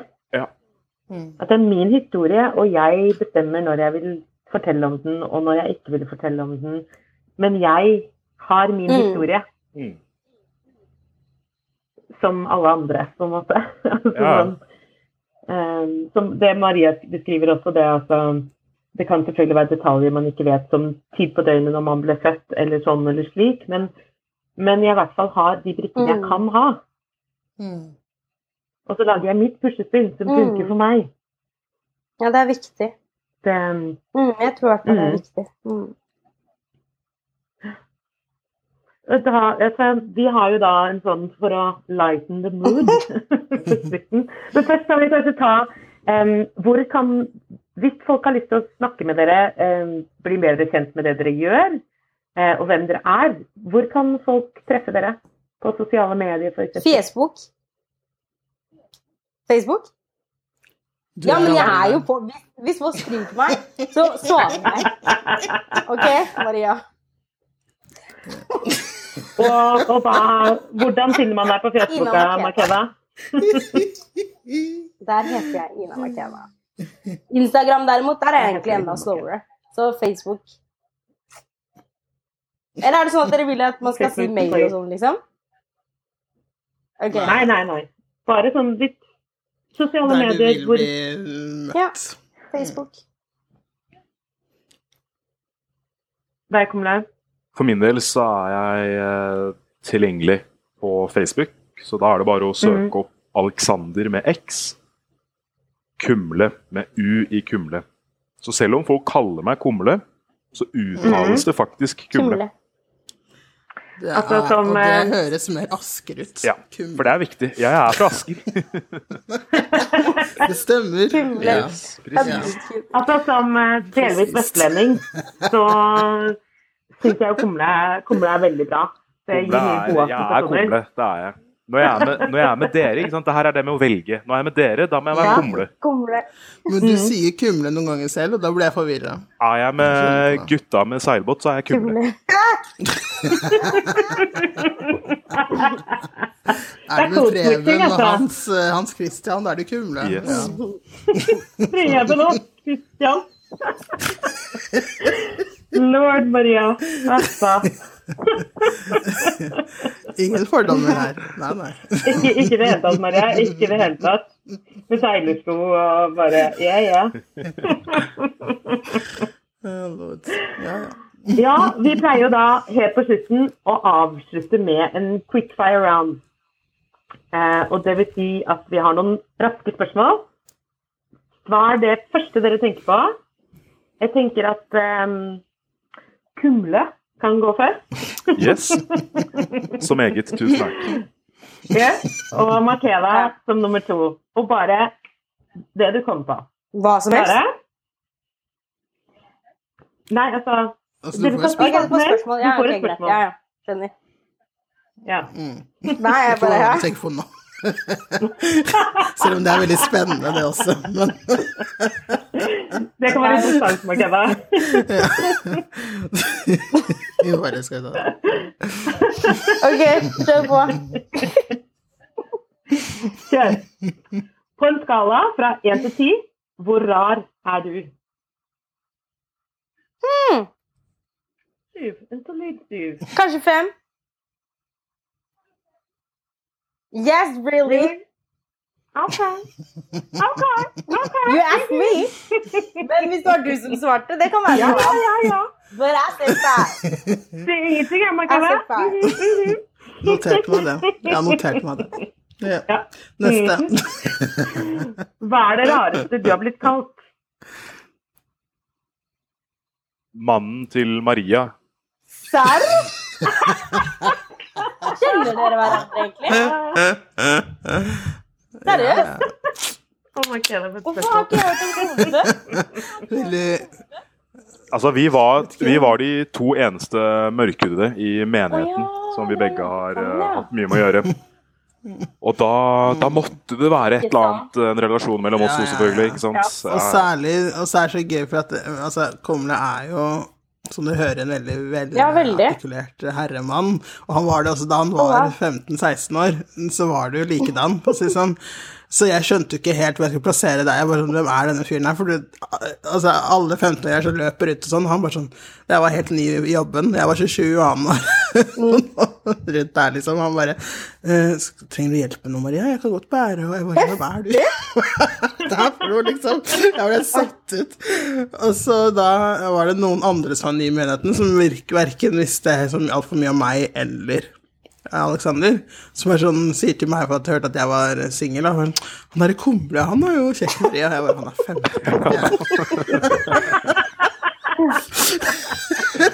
Det er sånn, «Nei, fordi han er den ene brune her, Ja. så må vi ha liksom Ja. Og så har vi, blitt spurt om vi har vært søsken, Ja. og som vi har vært uh, kusiner og fetter. Vi har liksom vært innom de Ja, fleste det er jo også et en annen tema, da. En annen greie. Til en annen gang. Ja, fy faen. Det er til en annen gang, altså. Hva men med hva deg, spurte du om, egentlig? Hva er det rareste du har blitt kalt? Eh, Jeg vet ikke. Det rareste? Nå syns jeg du skal tenke tilbake til hva Maria sa tidligere i dag. Å ja! Å si at hva var det for noe? Etiopisk kladd? Klegg. Klegg. Klegg. Herregud. Det er heller det dummeste jeg har hørt. Men Ja, kanskje makebab. Ja. Hva kebab? Ja Og det er hyggelig, da. Wow. Makebab. Er Ja, digg, jeg tror det er det, altså. Så, Eh, jo, også Kiriko. Kom... Kumle er jo en Ja, kumle. matrett, faktisk. Så hvis du er eh, kebab og jeg Det var er jo- kumle ja. Ja, ja. Det var jo det jeg siktet til i stad, at jeg er fra Vestlandet. Så kommer det, vet du. Det, Kommer det mm. Ja. en helaften med kamel og kebab og kumle. Legg meg på bordet, kvinner, og bygg inn. Du hørte det her Det er dere må ha en sånn Dere to må ha en sånn show dere reiser rundt med. Helaften Ok, det hadde vært lættis. Og så snakker vi om adopsjon.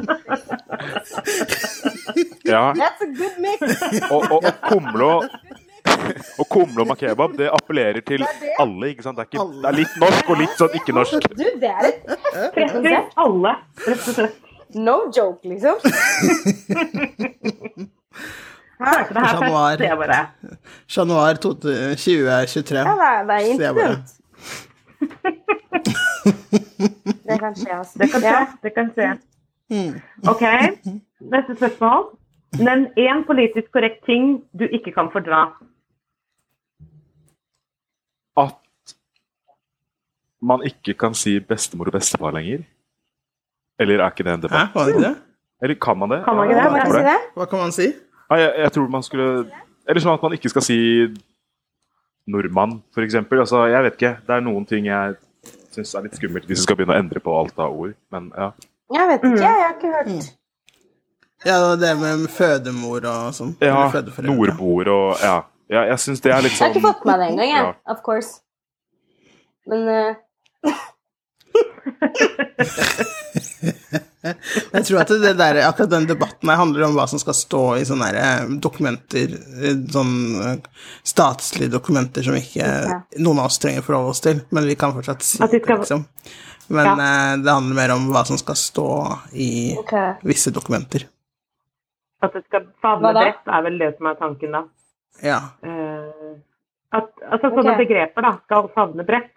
Fordi at det er mange som faller utenfor en del av de begrepene. Men det er jo, Mm. det er jo en helt fair ting å si at man kan bli ganske forvirret av, fordi debatten rundt blir så veldig eh, en mix-mash av alt mulig rart, i stedet for at man faktisk, som Maria sier, at det handler om offisielle dokumenter og å favne flere som de tingene gjelder, og ikke det at man nødvendigvis ikke får lov til å bruke et ord. Sant? Mm. Um, tenker jeg da. Men det er jo også en del av det å politisk korrekte som er interessant. Det er litt Mm. derfor vi har det spørsmålet. At det ja, Ja, jeg- jeg har ikke tenkt på det. Men, eh, men Mm. eh, Mm. Ja. Jeg har egentlig ikke tenkt så mye på på akkurat det du stilte der, for å være helt ærlig. Men, eh, men bare det du nevnte nå, jeg syns det Jeg var er så opptatt av å være politisk korrekt. egentlig. I hvert fall når man er vant til å bruke Hva sa du? Mm. Ja, ikke sant? Ja, men sånn veldig rart. Det blir sånn Det er jo ja, hva man er vant til Mm. også, da. Men jordmor, bestemor, bestefar It's like Det er jo det Mm. det, ikke det, det er jo det de er. For meg en bestemor og bestefar det er jo det de er. Liksom? Mm. Ja, hva man er vant til. Ja. Jo, det er jo hva vi er vant til, da, tenker jeg. Altså, det er jo det som er interessant, og det å alltid være åpen for at det er andre konsepter ja. som, som er Mm. annerledes, og andre er vant til andre ting, da. Jeg tenker at det Uten at noe Ja, trenger å heller nødvendigvis det. være forbudt. At ting, Mm. det være enten Forbud er nødvendigvis ikke Og jeg tror at veldig mange av de som kjemper for Mm. det, så er det ikke det de kjemper for, at noen ting skal bli forbudt. Ja, Det er mer ja. det at de skal føle seg inkludert. Og at de Mm. også skal være få lov til å ha de samme rettighetene og være en del av det og føle, føle, det føle tilhørighet på samme måte som de andre tingene vi tenker på som normalt. Da. Så, men ofte så blir jo den sidetracked, den debatten, fordi vi henger oss opp i og Ja. blir den fremstilt på en viss måte fordi ja, clickbait og du har en del sånne ting. Så det. Mhm. Men vi kan gå videre til neste. Yes. Hva misforstår folk ofte om deg? alderen min. Hvorfor det? Fordi black don't crack? Yep. Og da at de tror du er Black don't crack. Um, nei, ofte mye eldre kvinner tror jo gjerne at jeg er ti år eldre. Altså, det her mener jeg. Ja. Og, og altså, nå er jeg jo 2-23, så nå kan det gå greit. Men jeg var 17-18, og folk mm. som var ti år eldre enn meg altså, Det er ikke noe at de gjør noe galt, men jeg vet ikke. Det, det er kanskje det folk misforstår ofte, tror jeg. Mm. Ja. Men jeg tenker, Hadde det vært omvendt, da altså Vi er veldig lett for å se sånne ting hvis det hadde vært en kvinne som var yngre, Ja. og ikke Mm. altså 17-18. Og det å som mann, måtte, eller ung gutt, å måtte forholde seg til eldre mennesker som ser på deg som blir mye eldre. en eh, blir spleisa med en 27-åring når du er 15. Men, men, men så Ja. tror jeg at det også har noe med at det er ikke bare utseendet mitt at ok, han ser eldre ut enn det han egentlig er, men det er jo også at idet jeg åpner munnen min, så Mm. kan jeg ofte høres veldig voksen ut. Ja. Mm. Eh, så det igjen går også litt på at hvis jeg skal kjøpe noe på Finn, Mm. så tror kanskje folk at å ja, han her er eh, familiefar som skal kjøpe nye støvsuger. Men egentlig så er jeg student tidlig i 20-årene, ikke er jeg hvit. Altså, sant? Jeg, jeg tror Ja. Mm. Ja. Jeg er født i feil alder og farge og alt er feil med meg. Alt er bare Ja. joine meg. Min indre alder er 90. Og Mitt eh, alter ego er, heter Olga og er 90 år. Så det er bare Just embrace it. Så kommer du nærmere til slutt, så er du liksom på samme sted. Ja. Eh, Hva med deg, Markeda? kanskje at jeg um, Jeg vet ikke. Det første som kommer til meg, det er resting bitch face. At det kanskje ikke er så lett å liksom komme i kontakt med, men samtidig så er, er jeg jo det, holdt jeg på å si. Så, så kanskje Kanskje det at jeg har fått litt sånn Jeg har hørt det før av vennene mine at du ser sur ut, eller du ser Ser liksom Mm. ikke approachable ut, da. Farlig ut. jeg ble Ja. veldig redd en gang. Det var ikke sånn, da, det, da var vi gode venner og nære venner, men så så du meg ikke, så gikk jeg forbi deg på Oslo City eller noe sånt. var Er det så jeg hadde ikke turt å prøve. meg. prøve noe Ja, ja, du, Ja, var, får du så skikkelig sint ut. eh, Jeg var sånn wow. Men jeg tenker det er kult, da. da Eller bare embrace it. Ja, eller jeg bruker det i Ingen visse gidder å situasjoner. da. Noen ganger er jeg plage bevisst på det, Det skjønner du. Spesielt når det kommer til karer. Just don't. Mm. Så, men ellers så, så, Ja, ikke sant? så kan det være litt sånn kjipt å høre, fordi egentlig er man en hyggelig person. Just don't. Så, men ja, det kan, ja, det kan være Mm. en eh, greie, I guess. Hva er det beste komplimentet du noensinne har fått? At jeg er veldig omtenksom overfor alle og enhver. Mm. Det fin kompliment. Yep. Og en fin ting å være. Um, at jeg Jeg er veldig sprudlende og mye blid. Og jeg er veldig flink til å ta vare på de jeg er glad i, og de rundt meg. Mm. Mm. True, true. true, true. Ja. Mm. Om du var en matrett, hvilken matrett ville du vært? det. Da ville jeg vært altså.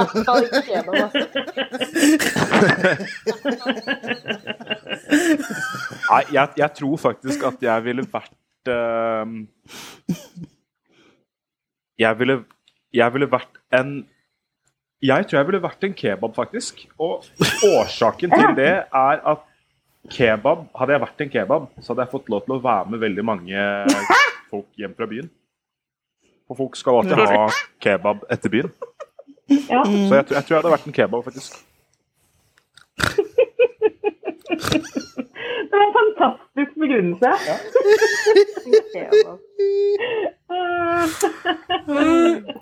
Jeg tror jeg ville vært Det første som kom til meg her, fordi jeg tenker ikke på sånne ting til vanlig, så er det injera. For, den, for det er injera er jo eh, etiopisk eh, nasjonalrett, og det er jo Da har du denne lefsen med masse forskjellige små dildal oppå, liksom. Masse forskjellige retter oppå. Og jeg er Gemini, Mhm. and I have a lot of personalities.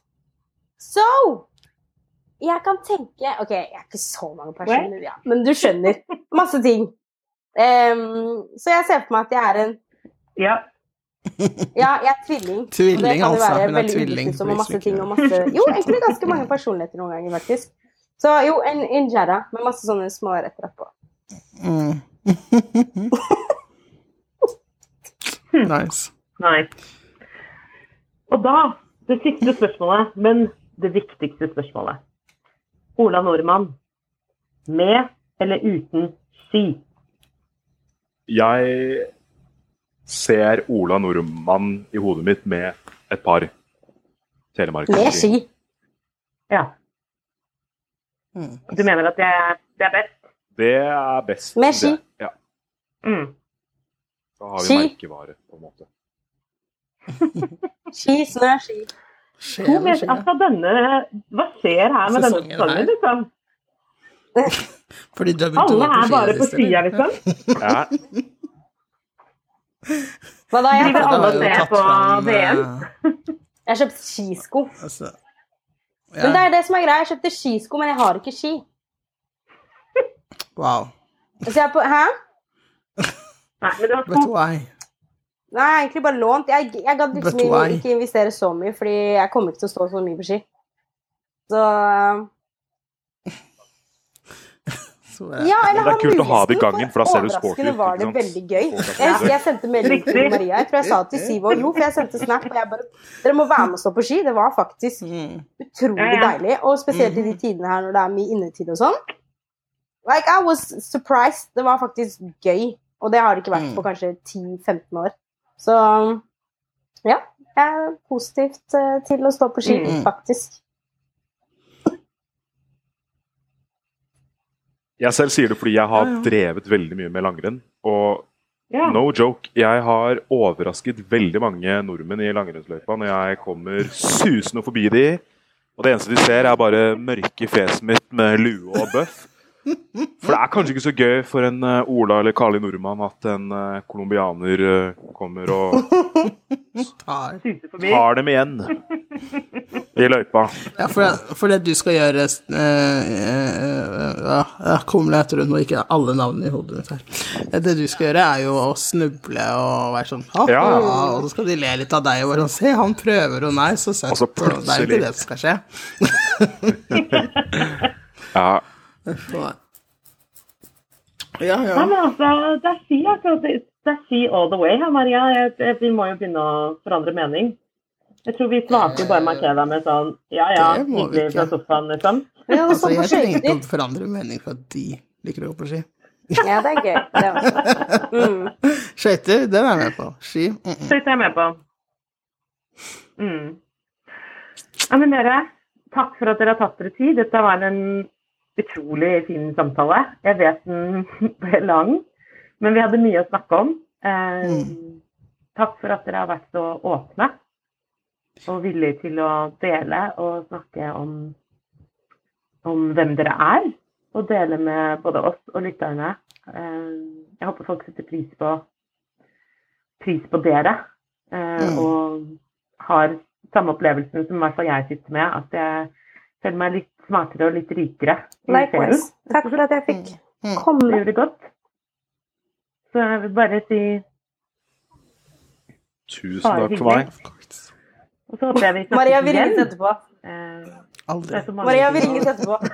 Kommer aldri til å si det. Det er Maria. We are done. Nei, men når korona er over, så uh, får vi møtes fysisk ved vannhullet og snakke videre. Ja. definitivt. Det er helt garantert. Ja da. Det var da fire adopterte in a room. sammen. ja, jeg, jeg kom ikke på noe. Hjernen min stoppet der. Det var det, liksom. It was liksom. going to be brilliant, but it wasn't. But no. But no. Jeg kan ikke være excellent hele tiden. Nei, det er sant, Maria. Bare sånn annenhver Så dag. man må, ja, jeg må liksom senke kravene. Du må slippe, slippe til noen, resten av oss, så vi Ja, kan få skinne, vi også. Ja.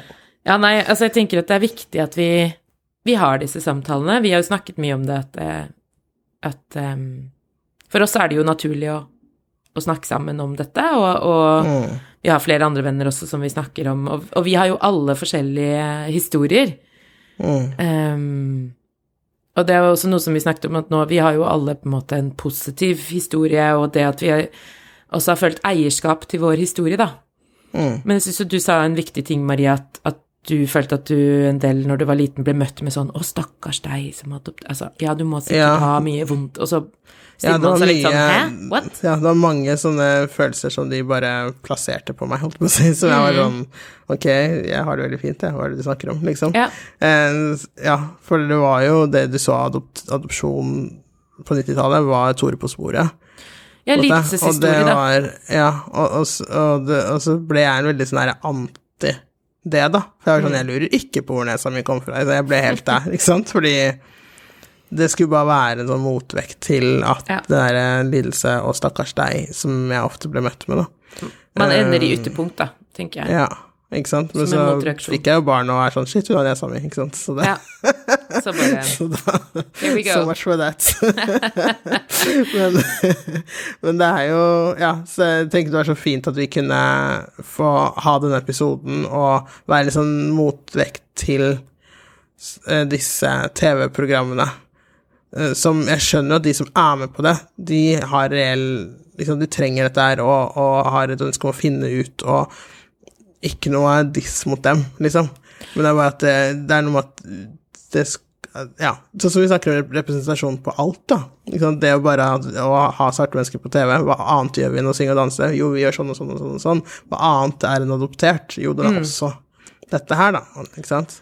Ja, altså, altså, jeg tenker mitt største problem med det er absolutt ikke de som er med, eh, og jeg tenker at vi må også anerkjenne de som har vonde adopsjonshistorier, eh, og jeg tenker at det er også noe vi eh, kommer til å snakke om på denne podkasten på et eller annet tidspunkt. Nå ble det bare ikke sånn akkurat nå, eh, og jeg tenker at det er fint. Det er fint å også få en motvekt til Men å vite at det er et helt spekter, da, ikke sant. Og selv om man kanskje har hatt en vond opplevelse, så har man også kanskje arbeidet gjennom traumene sine, man kan snakke om det, man kommer gjennom tunnelen på et vis, og man finner en måte å leve på. Eh, det er jo utrolig hva slags styrke som bor i folk. Eh, og jeg ser jo nå, nå har det jo kommet opp en del sånne eh, historier om hvordan disse adopsjonene har foregått, og om folk faktisk var gitt opp til adopsjon, eller om det har foregått ulovlige ting her. Og jeg tenker det er utrolig viktig å undersøke det, eh, og snakke om det, og belyse det, men også gi ressurser til de som velger å adoptere. Um, og det at særlig hvis du eh, driver med transatlantisk adopsjon, det å forstå hvordan det er å vokse opp i en svart kropp kontra en hvit kropp, og da handler det jo om systemene, tenker jeg, og ikke menneskene. Ehm, og de systemene vi lever i, og forstå noen ting om dem, og jobbe aktivt med å endre dem, tenker jeg. Som du sier, hvordan blir svarte kropper fremstilt? Ehm, hvordan blir det å være adoptert fremstilt? Eh, og, og hvis det alltid blir en sånn traumehistorie, så er det jo viktig å også vise at det finnes andre historier, da. Og at det er bredde. Eh, og at hver enkelt av oss har en unik historie. På lik linje med andre med andre, tenker jeg. Det Ja. hørte dere jo nå også, at vi er Vi har eh, veldig likt utgangspunkt ved at vi har en god eh, erfaring med det å være adoptert, men vi har også veldig forskjellige måter å, som vi har taklet dette på, eller som vi har, liksom, hvordan vi har levd våre liv, da, og hvordan vi ser på oss selv. Så det tenker jeg er veldig fint at vi har fått, fått presentert. Mm. Og så, som du sier, dette er vi, Altså, vi skal lage flere episoder av Vanlig podkast. Skal leve en stund til, så det kommer nok flere Ja. adopsjonsrelaterte episoder. Definitivt. Yes, men så har jo også vi konkludert, sier at vi må skaffe oss nye venner, fordi Ja. alle vil gå på ski. Altså, så hva skjer? vi søker Søker nye venner Søker som nye ikke venner. går på ski. Men det er derfor du fikk den der eh, eh, venneappen opp på algoritmen din. Ah, this It's explains everything. Ja. Yes. Det er der jeg skal søke etter folk som ikke går på ski. Mhm. Det eneste Skriv. kriteriet er at du Ja, ja, ikke går er på ski, liksom. Hva liksom. liker du å gjøre? Ikke gå på ski. Tusen takk. Takk for meg. Jeg Ja. hadde, altså, jeg hadde søkt deg som venn med en gang. Jeg var sånn Hei, we need to talk. Let's connect. Yes. Ski. Disconnecting people. Yes, Det er- disconnecting now. Å, nei, linja mi blir dårlig. Brutt. Du, men nå våkner uh, Miss Noel. Uh, ja, så she Så- gotta have her, her mama time. her. Mom. Yes. Det skjønner jeg, det skjønner jeg. jeg. Så da kan jeg vel bare si Altså Vask henda. Det gjelder fortsatt, altså, folkens. Ja. We're not done. Jeg vet det er fint vær, men vask de hendene. Hold den tometeren. Altså, jeg ser dere i parken. I'm just saying. I see you. Stay away from me. Um, vask hendene. Ikke hat på hverandre. Hold avstand, og del på ubehaget. Jeg følte litt hat fra deg nå, men ok. Det var ikke hat, det var bare litt hard kjærlighet. Det var det det var. var. kjærlighet. Ja. Vi ses ved vannhullet.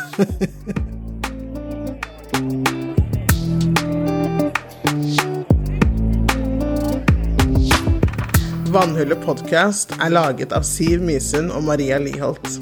Musikken er laget av Olve Flakne. Husk å abonnere på podkasten, følg oss på Instagram og Facebook. Lik og del. Vi ses ved vannhullet.